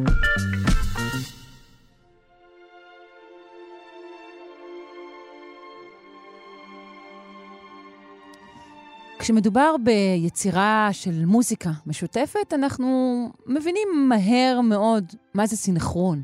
איך אנשים אה, אה, עובדים ביחד, מנגנים ביחד, מהי ההשפעה של זה עליהם ועלינו. אבל מחקר חדש אה, באוניברסיטת חיפה מראה שתופעה דומה מתרחשת גם בעולם האמנות והציור, שא', אין בו מקצב מסודר, וב', הוא נתפס כיותר אינדיבידואלי. אה, בואו נשמע על המחקר החדש הזה מהדוקטור טל חן רבינוביץ', היא ראש המעבדה למוסיקה והתפתחות חברתית באוניברסיטת חיפה. שלום. בוקר טוב, שלום וברכה. בוקר אור.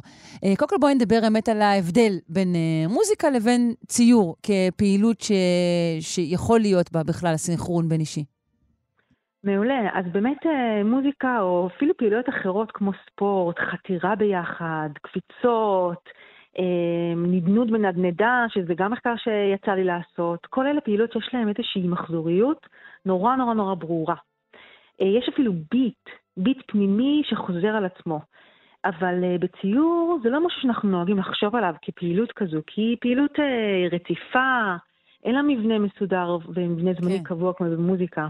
נכון. אז באמת uh, רצינו ככה לפרוץ את, ה, את תקרת הזכוכית של, ה, של הפעילות הזמנית המסודרת, ולראות אם אפשר למצוא את העולם הסינכרון והאסינכרון, דרך אגב, לא רק סינכרון, בעולמות אחרים, כמו ציור למשל. אז מה עשיתם? מה בדקתם? אז בעצם, אמ, קודם כל אני, מצי... אני חייבת לציין שזה היה בתקופת הקורונה, וזה היה מחקר מאוד מאוד קשה לביצוע. אז בעצם אה, סטודנטית שלי אה, למאסטר עשתה את עבודת, עבודת התזה שלה עם המחקר הזה. היא לקחה בעצם מבוגר וילד, אה, שני זוגות, מבוגרת וילד וילדה, וביקשה מהם לצייר או בסנכרון, בקואורדינציה אחד עם השנייה, או בחוסר קואורדינציה. אז רגע, בואי נגדיר, כי אנחנו, כן. את מתארת דבר כזה, וישר אני חושבת, אוקיי, זה מישהו שבעצם מחכה מישהו, וכך נוצר הסינכרון. על זה מדובר או על משהו אחר? אז בעצם במובן הזה כן ביקשנו מהמבוגרת לנסות להתאים, לא ממש לחכות, כי חיקוי זה משהו מאוד מדויק. זה לא, חיקוי זה משהו שאתה מחכה גם את הצבעים, או, או את, את התמה של הציור, ובעצם ביקשנו מהמבוגרת לחכות את התנועות של הילדה, וככה לזרום איתה בצורה שהתנועות עצמן יהיו מסונכרנות. כלומר, בדגש על סינכרון או קואורדינציה תנועתית. Okay. זה אוקיי. היה הדגש פה, כן. ובתנאי של האסינכרון או חוסר קואורדינציה, המבוגרת בעצם לא התאימה את התנועות שלה לתנועות של הילדה. אוקיי? Okay? Okay? Mm-hmm. וככה יצרנו שתי גרסאות שונות של ציור משותף בקואורדינציה, לעומת ציור משותף בחוסר קואורדינציה, ובעצם יצרנו אה, ניסוי שבו ביקשנו מילדים בגילאי סוף בית ספר היסודי אה, לתת לנו את חוות דעתם לגבי שתי הצורות האינטראקציות האלה. הם, הם אה, צפו בעצם ב, ביצירה עצמה, בזמן היצירה? הם לא, הם צפו בסרטים okay. אוקיי. mm-hmm. של היצירה, ובעצם ענו על כל מיני שאלות שקשורות לקשר שבין המבוגרת לילדה, מה הם חושבים על הקשר ביניהם, כמה המבוגרת אמפתית כלפי הילדה, uh-huh. כמה היא מתעניינת בה, אה, האם אה, הם היו רוצים להשתתף בעצמם בפעילות הזו וכולי וכולי. שאלות על הקשר ביניהם ועל הרצון שלהם להיות חלק מחוויה מסונכרנת או לא מסונכרנת. והתוצאות. אז זהו. אז התוצאות הן אה, באמת מעניינות. קודם כל, אני חייבת להגיד שאחת השאלות המקדימות הייתה האם הם חושבים שיש אה, באמת אה, איזושהי קואורדינציה או חוסר קואורדינציה. בעצם זו שאלה ששאלנו אחרי ששאלנו אותם את כל השאלות, וראינו שהם רואים את ההבדל. עכשיו, גם ניתחנו את זה סטטיסטית, אה, וראינו שיש הבדלים בסינכרון ובחוסר סינכרון בין שתי הגרסאות. כך שיש פה הבדל אמיתי. ואז באמת הופתענו לגלות שהילדים, על סמך דקה וחצי של צפייה בסרטון, דיווחו על הבדלים מאוד גדולים בין שתי הקבוצות. כלומר, הקבוצה שראתה את, ה, את הציור הקור, עם הקואורדינציה, חשבה שיש קשר רגשי הרבה יותר חזק בין המבוגרת לילדה, היא חשבה שהמבוגרת אמפתית כלפיה, היא, שהיא מבינה אותה יותר. אמ, כל המדדים האלה התבררו כחיוביים וטובים יותר בעקבות צפייה בסרטון אה, המסונכרן, לעומת הסרטון הלא מסונכרן. כלומר, גם הפעילות הקטנה הזו, שהייתה ביניהם, שהיא פעילות אה, נחמדה לכל דבר, כן? גם שם הראינו שיש הבדלים בין אה, פעילות שהיא מסונכרנת, לעומת פעילות שהיא לא מסונכרנת. אני מנסה להבין, אה, האם הדבר הזה נובע מזה שה... התנועה והתוצאה אה, היו פשוט יותר הרמונים, לצורך העניין, mm-hmm. וידוע שהמוח שלנו מעדיף הרמוניה על, על דיס-הרמוניה, בטח אה, מוח ילדי. או שיכול להיות שיש כאן משהו שקשור ב, בהתכוונות. mm-hmm. של הצייר או הציירת המבוגרים. כלומר, ברגע שהמבוגר בסיפור הזה היה מכוונן על התאמה, ייתכן שהוא אכן שידר באופן טבעי יותר אמפתיה mm-hmm. והבנה. כן.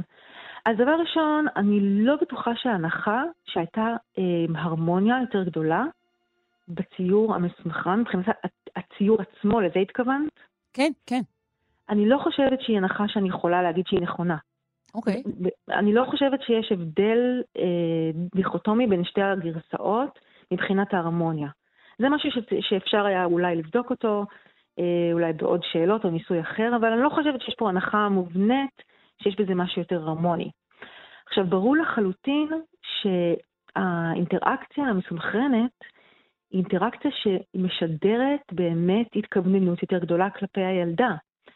אה, והילדה, אני משדרת, אני, אני מניחה שהיא גם משדרת משהו למבוגר, כי היא מקבלת את ההתכווננות של ההמרתיות והסנכרון. נכון. נכון, אני חושבת שזה, אבל זה העניין, זה מובנה באינטראקציה. Mm-hmm. גם כשאני מננדת שני ילדים על הנדנדה, והם בסנכרון, יש להם יותר קשר עין, יש להם יותר אפשרות להתכוונן גם אחד כלפי השני.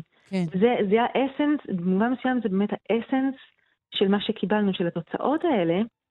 אה, ההתכווננות היא הדבר, הניסיון לסנכרון. בדיוק, אוקיי. נכון, mm-hmm. בדיוק. זה, זה בעצם נכון, זה בתהליך פעיל, שכשאתה נמצא בו גם בעצמך, אתה מרגיש את, את הדבר הזה כלפי הבן אדם השני. כן. אמ, מה אנחנו יכולים כן. להשליך אה, מהמאמר הזה? מה אנחנו יכולים ללמוד ממנו? אמ, אוקיי, אז אני חושבת שקודם כל זה, זה מאוד מרחיב את הארסנל של הפעילויות שאני חוקרת וחוקרים אחרים חוקרים, שקשורים לאלמנט של סינכרון אה, בהמון המון פעילויות. כלומר, זה לא חייב להיות מדוד וקצבי, זה יכול להתבטא בהמון המון פעילויות אחרות שהן לא בהכרח כאלה, כמו ציור משותף. כן, שיש להם כנראה קצב פנימי. איזשהו מקצב לא פנימי, כן. בדיוק, תנועתיות שהיא הרבה יותר אה, אה, רציפה, כן. נכון. אני חושבת שיש לזה כמובן השלכות, אה, אפשר לחשוב על טיפול באומנות חזותית, שבו באמת יש מטפל, שאפשר לעשות ציורים משותפים ולהשתמש במדיום הזה כאיזשהו מדיום של חיבור. ואני חושבת שאפילו בסיטואציה של הורים וילדים בבית, או שני ילדים בבית, אפשר לנסות בבית פשוט לקחת ציור לצייר ולנסות אולי לעקוב אחרי התנועות כן. של הילדים, או לתת להם איזה, איזה משחק או משימה ככה, לשחק ביחד. זהו, הוא אמר ו... לך למה אני קצת חותרת. אני חושבת שהרבה מאוד מהחינוך בשנים האחרונות, אמ, את יודעת, משפטים כמו לראות כל אחד מהילדים ואת הדרך שלו ומה הוא, ואני חושבת, שוב, כמובן, בזהירות הראויה במחקרים מהסוג הזה והמסקנות שלהם, שיכול להיות שדווקא חזרה לשימת דגש על איזושהי תנועתיות משותפת של הקבוצה. ושימת לב mm-hmm. לאחר, ולא בהכרח ל, ל, ל, לדחפים mm-hmm. שלי, אולי mm-hmm. יש לזה איזשהו ערך אה, אה, תרפויטי אפילו. Mm-hmm. זה, זה מעניין מה שאת אומרת, אני חושבת שזה נכון מאוד, אבל תזכרי שלכל דבר, לכל מטבע יש גם צד שני. ואני יכולה להגיד לך שאני כרגע עוסקת דווקא במחקר שמסתכל על ההיבטים הנגטיביים, השליליים של סינכרון. חלק מזה זה חוסר, זה די אינדיבידואציה, חלק מזה זה אולי אה, איזושהי פגיעה ביצירתיות. אני חושבת שצריך, פשוט להבין בתור חוקרת, כן, את הפוטנציאל שטמון בכל מדיום. בסנכרון יש פוטנציאל חיבורי, רגשי, פוטנציאל של אמפתיה ושל אה, חיבור קבוצתי, כמו שאמרת, שהוא נהדר, אבל ברור שיש לזה גם צד שני. יותר כן. מדי חיבור קבוצתי אולי אה, בעצם יכול להפך לידי אינדיבידואציה, וצריך פשוט להבין איך להשתמש בכלי הזה. אה, מעניין. אז uh, נשמח לשמוע גם על המחקר הבא, כי ככה זה מחקרים. יום אחד זה בריא, יום אחד זה לא. תודה רבה לך, דוקטור טל חן רבינוביץ', ראש המעבדה למוסיקה והתפתחות חברתית באוניברסיטת חיפה. ביי. שמחתי, ביי.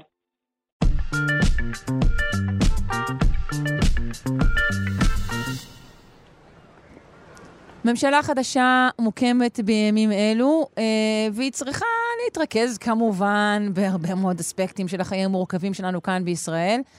היא צריכה גם לדאוג לענייני משבר האקלים, אבל היא צריכה לדאוג למשהו שהוא הכרחי, ודרוש שיפור מיידי בו.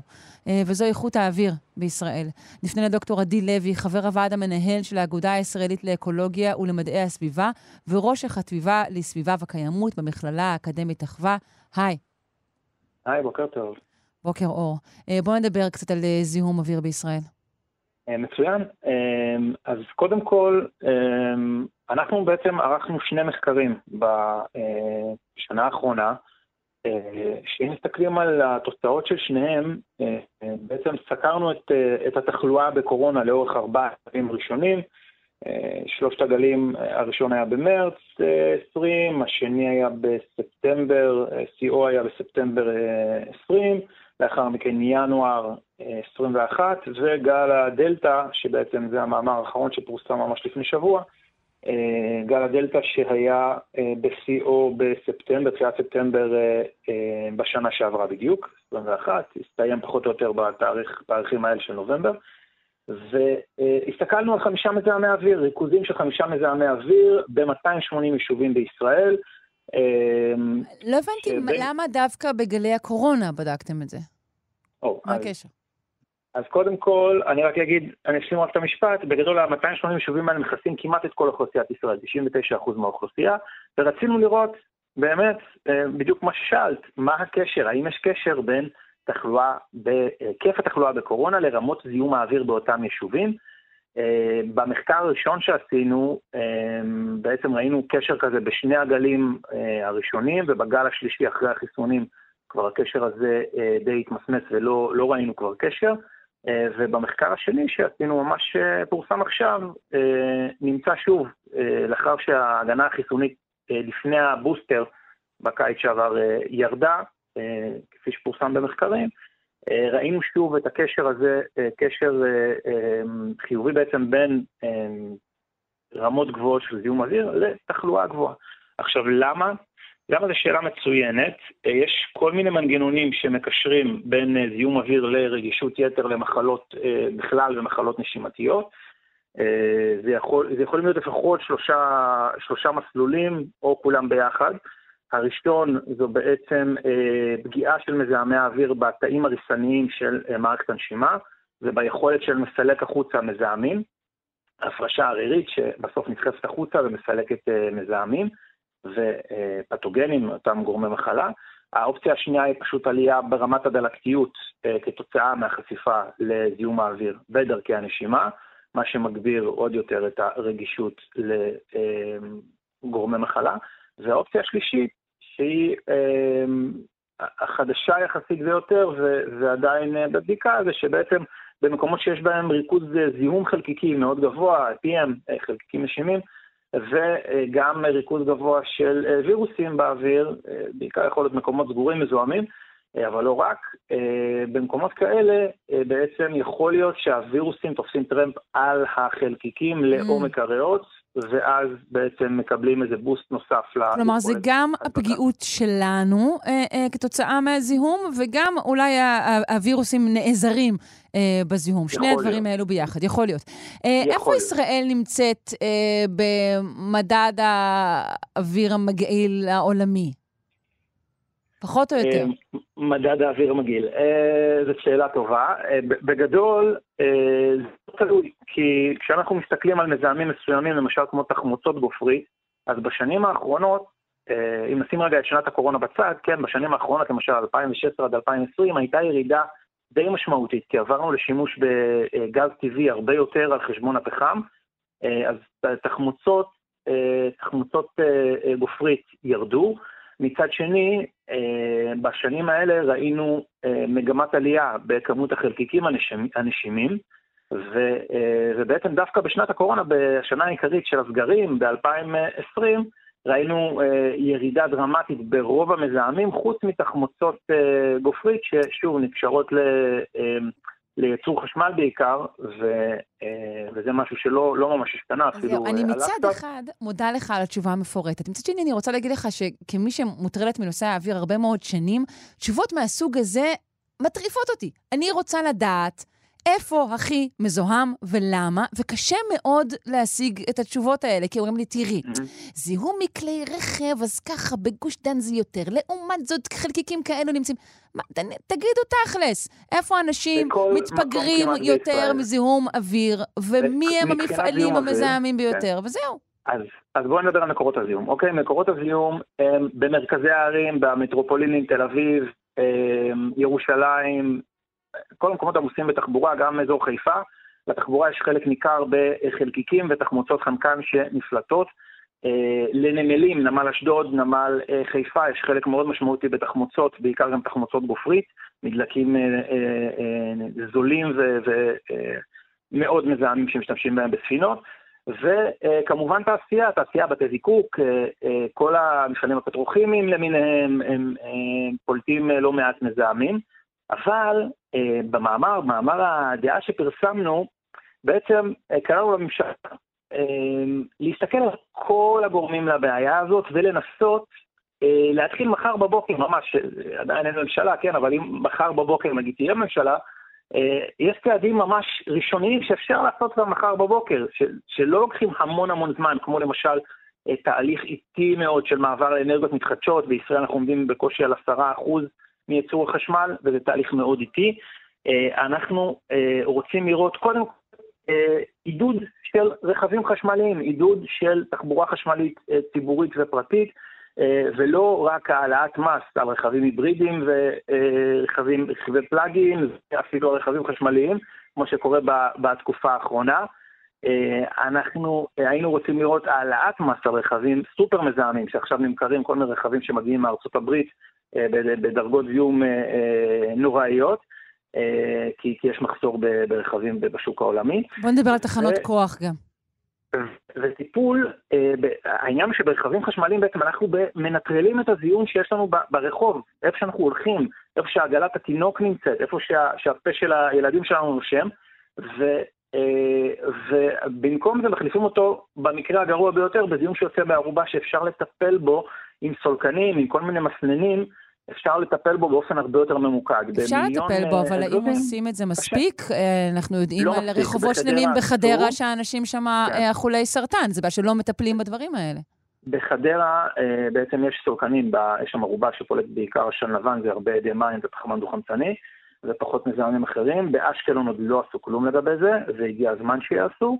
אמ, במזהמים נוספים שאפשר לטפל בהם מלבד הנושא הזה של רגולציה שהוא מחר בבוקר אפשר לשנות אותו על רכבים חשמליים, ממש כמו באירופה, לעודד רכישה של רכבים חשמליים, לא לגבות עוד מס, להעלות את המס כמו שאמור לקרות עכשיו בינואר. ובנוסף יש לנו בישראל אה, בעיה אה, יחסית ייחודית, שרפת פסולת פיראטית, 76% מפליטות החומרים המסרטנים. וואו, זה מטורף. כל מי שגר באזור המזרחי של ישראל יודע לא שמדובר בבעיה לא מטורפת. כן. כבר לא רק באזור המזרחי, כבר לא, זה התחיל מאזור השטחים, זה הגיע לאזורים השטחים, השטחים הפתוחים במזרח, אה, מרכז הארץ, בתוך הקו הירוק, ואנחנו בלילות מרגישים את העשן, גם לגוש דן, מרגישים את הריח השרוף, ואם זה לא מספיק, אז לזה מצטרפים כל מיני טרנדים אה, לא רלוונטיים למדינה כל כך צפופה, כמו חימום בקמינים של אחת המדינות הכי כן. מתחממות במשבר האקלים, חימום בקמין עץ, שזה זוועה פשוט מבחינת הזיהום והמטרד לשכנים, אה, וזה מיותר לחלוטין, וגם אה, שימוש במעשנות והמון מנגלי, מנגלים של פחמים, אה, שגם זה, אם מחליפים את זה בגז זה יותר טוב, אבל צריך להזמין שבסביבה עירונית צפופה, אי אפשר להתנהג כאילו גרים במושב אה, נידח בשטח פתוח. כן. ופה צריך רגולציה, אה, כי הטרנדים האלה עלולים לפגוע עוד הרבה יותר בזיהום האוויר. אבל תראה, עדין, למשל, זה ברור שאסור אה, לשרוף אה, פסולת פיראטית באופן אה, שבו עושים את זה. זה בכלל לא משנה, אין, אין שום, לא נעשית שום אכיפה בנושא. פשוט אין נכון. ספור שריפות פיראטיות, אז זה לא, יחוקקו עד מחר, זה בכלל לא משנה. אז נכון, אז לחוקק זה, זה אה, אולי חלק קטן מהעניין, וזה חלק שאנחנו טובים בו מאוד בישראל. חקיקה, תקנות, אנחנו מצוינים בזה גם אם זה לוקח זמן, אבל אז מגיע הרגע שצריך לאכוף, ופה אה, יש לנו קשיים מאוד מאוד גדולים, ופה צריך להשקיע באמת, ובמאמר גם נתנו דוגמה אה, לכך שבסוף זיהום אוויר הוא לא יודע אם אתה מהימין או מהשמאל, או אתה אישה, או גבר, או ילד, או, או קשיש, או ערבי או יהודי, זה לא משנה, זיהום אוויר פוגע בכל האוכלוסיות בישראל. יש למשל בגוש עציון זיהום אה, אוזון מהגבוהים בארץ, אוזון נוצר כתוצאה מחשיפה לקרינת השמש של תחמוצות אה, חנקן שמגיעות מהאזורים המאוכלסים יותר אל אזור ההר. אה, ו- ולא חסרים אזורים יחסית מרוחקים בישראל, שגם הם מאוד מאוד מזוהמים נכון. בגלל גורמים בסביבתם. אנחנו מדינה מאוד צפופה, ולכן יש פה צעדים כמו טיפול בשרפות הפיראטיות, במעשנות, ב... אה, בקמינים. אה, טיפול מאוד מהיר, זה לא, זה לא איזה משהו מאוד מורכב שצריך אה, עכשיו לחשוב איך עושים. אכיפה, אולי קצת שינוי תקנות, ואכיפה מאוד משמעותית. ובהקשר של גם רכבים חשמליים, לעודד שימוש ובעצם רכישה של רכבים חשמליים על חשבון כל רכב מזהם אחר, ובטח שלא למסות את זה, כי זה נוח לאוצר כרגע, לגזור קופון גדול יותר על הרכבים החשמליים. אנחנו בסוף משלמים את נזקי זיהום האוויר אה, מתקציב הבריאות הרבה הרבה יותר ממה שאפשר להעלות את המס על אה, רכב כזה או אחר. כן, תודה רבה לך. אה, דוקטור עדי לוי, אה, על הנייר הזה חתום גם הדוקטור זוהר ברנט יצחקי. תודה רבה. מהמרכז האקדמי רופין. נכון. תודה, להתראות, ביי. תודה, להתראות.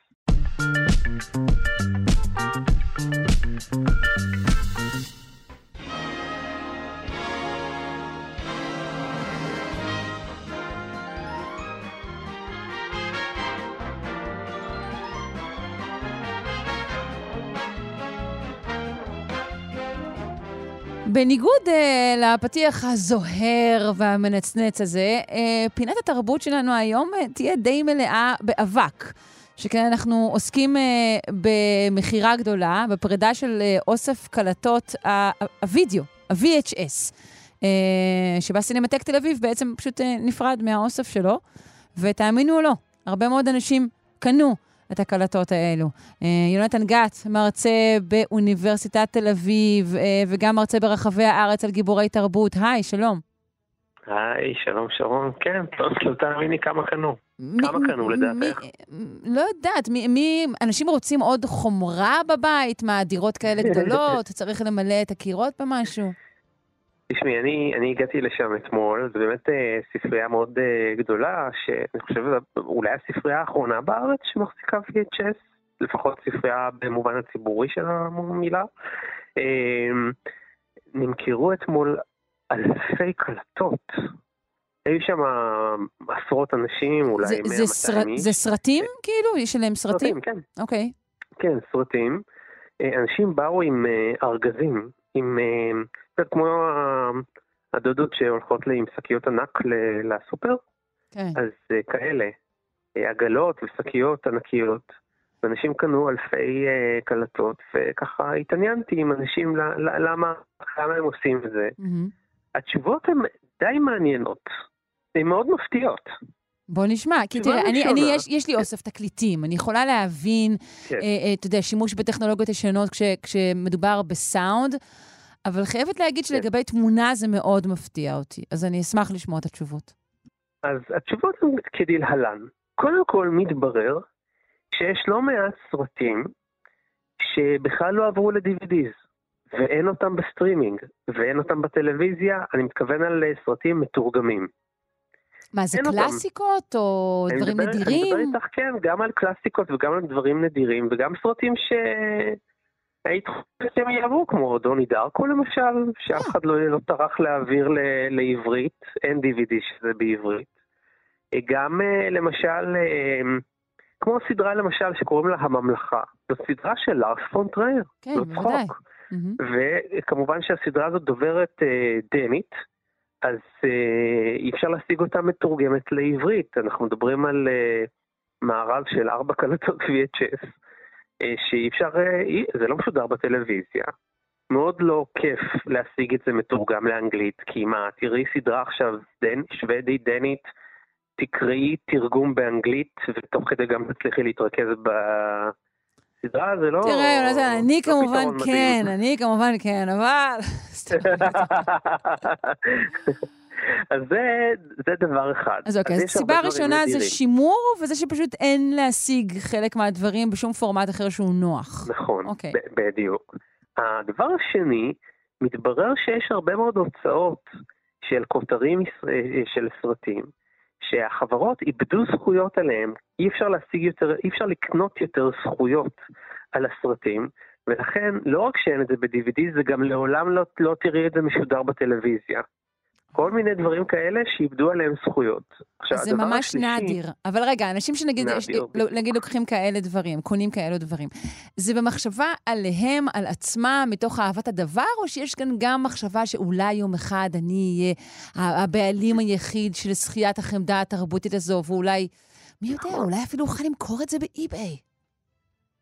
אז כן, כמובן שיש בזה פה אספקט של, אה, של אספנות, ואספנות, ואני אומר את זה בתור אספן בעצמי, אה, אספנות היא לא, אין לה רציונל. את פשוט. רוצה שיהיה לך הכל. כן. אני הייתי פעם בבית של בן אדם שאסף כל מה שקשור לדיאנה רוס. אין איזה הסבר לוגי. אבל הוא פשוט אסף כל בובה וכל קלמר וכל מחברת שצוירה עליה דיאנה רוס. פחות זה מה מטלטל. של דיאנה רוס, אני לא חושבת שזה נחשב לאוסף רציני. כן. עכשיו, יש עוד משהו, מתברר שיש המון קלטות לילדים, או קלטות של סרטים מצוירים, שהדיבוב בהם הוא בעברית, וזה אף פעם לא עבר ל-DVD, וזה גם לא יעבור, וזה ברור שזה lost forever, כי החברות לא יכולות להוציא את זה גם כן בגלל אובדן זכויות. אז יש הרבה מאוד סרטים מצוירים עם קריינות של אנשים מאוד uh, מפורסמים וחשובים, שהדיבוב שלהם הלך לפח, ואת רוצה להראות לילדים שלך אה, משהו מדובב. דיבוב איכותי, ואין. וגם אה, אולי שהוא לא עטוף אה, מכל צדדיו בעוד תוכן זבל, כי כשאנחנו צופים בדברים נכון. בטכנולוגיות חדשות, אנחנו צריכים להימנע מכל מיני דברים, בין אם זה פרסומות, בין אם זה כל מיני. תוכן שלא רצינו לצרוך. בדיוק, ויש עוד משהו אחד. וזה העניין הפיזי. אנשים אוהבים את הבלטה הזאת, כי זה, זה מונומנט, זה כמו, זה כמו ספר. שמים את זה על המדף כמו ספר, זה נראה גם הרבה יותר גדול והרבה יותר כאילו מכובד, זה גם כתוב בעברית, כן. כזאת. זה נורא משפר את האקוסטיקה של הבית גם. נכון. עכשיו השאלה היא, למי יש מכשירי VHS כדי לנגן את? כן. יש, יש, אתה אומר יש. מי יש שקנה, סביר שיש יש- לו. כן, לי, לי יש מכשיר VHS בבית, יא. אה, כי נשארו לי עוד קלטות שצריך להעביר אותן וכדומה. לא, ברור, אבל, גם אה, לי, כן. אבל אין לי את המכשיר לנגן אותם.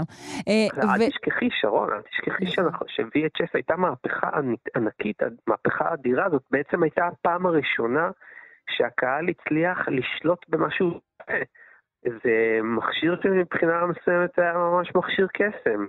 והיו עליו המון מריבות, את יודעת שחברות גדולות, חברות שידור וחברות אולפני קולנוע, התנגדו שבכלל לאנשים יהיה VHS. היו תביעות של מיליארדים חברות שייצרו את מכשירי הוידאו, ובתי משפט מאוד גדולים בעולם התעסקו עם הנושא הזה. כן. האם כשאתה מקליט סרט מהטלוויזיה, האם זה לא הפרת הפרה, זכויות יוצרים? נכון, היה זמן זה שאסור כן, היה לא? גם להקליט מוזיקה מהרדיו, זה היה אסור לחלוטין. נכון, אה, ולכן יואב קוטנר כל הזמן היה מפריע באמצע השירים, והוא היה נכון. אומר, אני מפריע כדי שלא תקליטו. אה, אה, תגיד, זאת אה, אם. המכשיר שלך מתקלקל, יש לך מי שיתקן אותו? או שאתה פותח כזה לבד, עם מברק, ויש לך תשמעי, לא, WD-40? פשוט אה, לא משתמש בו הרבה, אבל אני מניח שאפשר באי-ביי לקנות... לקנות אחד חלופי, זה, זה מה שעושים, ותשמעי, יש עדיין טכנאים שמתעסקים בדברים האלה דרך אגב. כן. יש, פה ושם יש. בטוח. אז החוויה הזאת, לראות עוד אנשים נוהרים אחרי קלטות, הייתה אה, די מדהימה, דיברתי שם עם אספנים אה, מאוד, ממש מדופלמים, כמו אה, אה, מייקל בן אב ובחור בשם אה, אסף, שהם בונים לעצמם ספריית VHS בבית, יש להם אשכרה ספרייה. אני, אני אני, שוב, אני מאוד מבינה. את כל מה אה? שאמרת, אני מאוד מבינה את כל מה שאמרת לגבי הסרטים שאין להשיג וכל הדברים האלה, אבל אני חושבת שמבחינת כן. אה, אה, אה, אתה יודע, איכות צפייה פרופר, VHS הוא לא פורמט מנצח. אבל תשמעי, אבל טרנטינו לא יסכים איתך. טרנטינו אומר במוצר שהוא מאוד אוהב לראות אוהב את את הסרטים האיכויות שלו האלה ב-VHS. של ה- של הסרט. כן, הוא אוהב לראות את זה קופצני, והוא אוהב לראות את זה חורק. אוקיי. הוא מרגיש, כי, את יודעת, סוזר זונדג דיברה על זה, עיתונאית, פילוסופית, אמנית, דיברה על זה שאנשים נורא, שזה מרגיש אחרת כשמחזיקים תמונה ביד, את יודעת. כן. כאשר שמדפדפים תמונה בטלפון, להחזיק תמונה זה משהו אחר. וככה לראות סרט שהוא חום, שהוא, שאתה רואה שזה חומר, שזה חומר, אה, זה מדבר עליך בצורה אחרת. לגמרי, אה, אנשים גם אה, מאוד מחבבים בלאי, כי הם עצמם מתבלים, אז למה שהדברים האחרים לא יתבלו נכון. יחד איתם? יאללה, יונתן, יש לך נכון, חצי דקה להמלצה לסיום. אני רוצה להמליץ על ספר מדהים של אורלי קסטלבלום, זה הספר החדש שלה, שנקרא ביוטופ.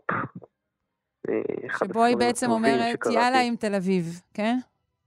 לגמרי, זה על uh, מר ז'וזף שימל, שהוא מרצה uh, לספרות צרפתית, שבעצם מתאר את אזור אבן גבירול, דובנוב, לונדון מיניסטור, מתאר את המקום כמו ביוטופ, מספר על החיים שלו בתל אביב המפויחת, מתאר גם בצורה מדהימה את ההומלסים שם, כל אחד והכינוי שלו, כל אחד וההתנהגות שלו, והתחושה בספר הזה היא, היא של חלום תל אביבי מפויח, דקדנטי, אבל עם הרבה מאוד אה, קסם והרבה מאוד צחוק. טוב, שרק אורלי קסטלבלום יכולה אה, לייצר דבר כזה מדהימה, לגמרי. מדהימה, מדהימה. כדאי מאוד, ביוטופ זה נקרא. יופי, תודה רבה. יונתן גת, מרצה באוניברסיטת תל אביב, וגם מרצה ברחבי הארץ על גיבורי תרבות. תודה רבה.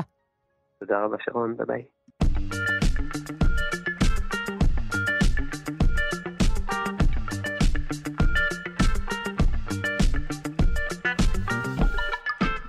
תמו להן שעתיים תמימות שלנו, שלושה שיודעים, אני מקווה מאוד שנהניתם והיה לכם מעניין.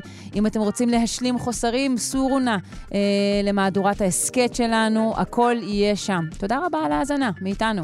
רז חסון, תמר בנימין, אלון מקלר ואני, שרון קנטור. המשך יום טוב.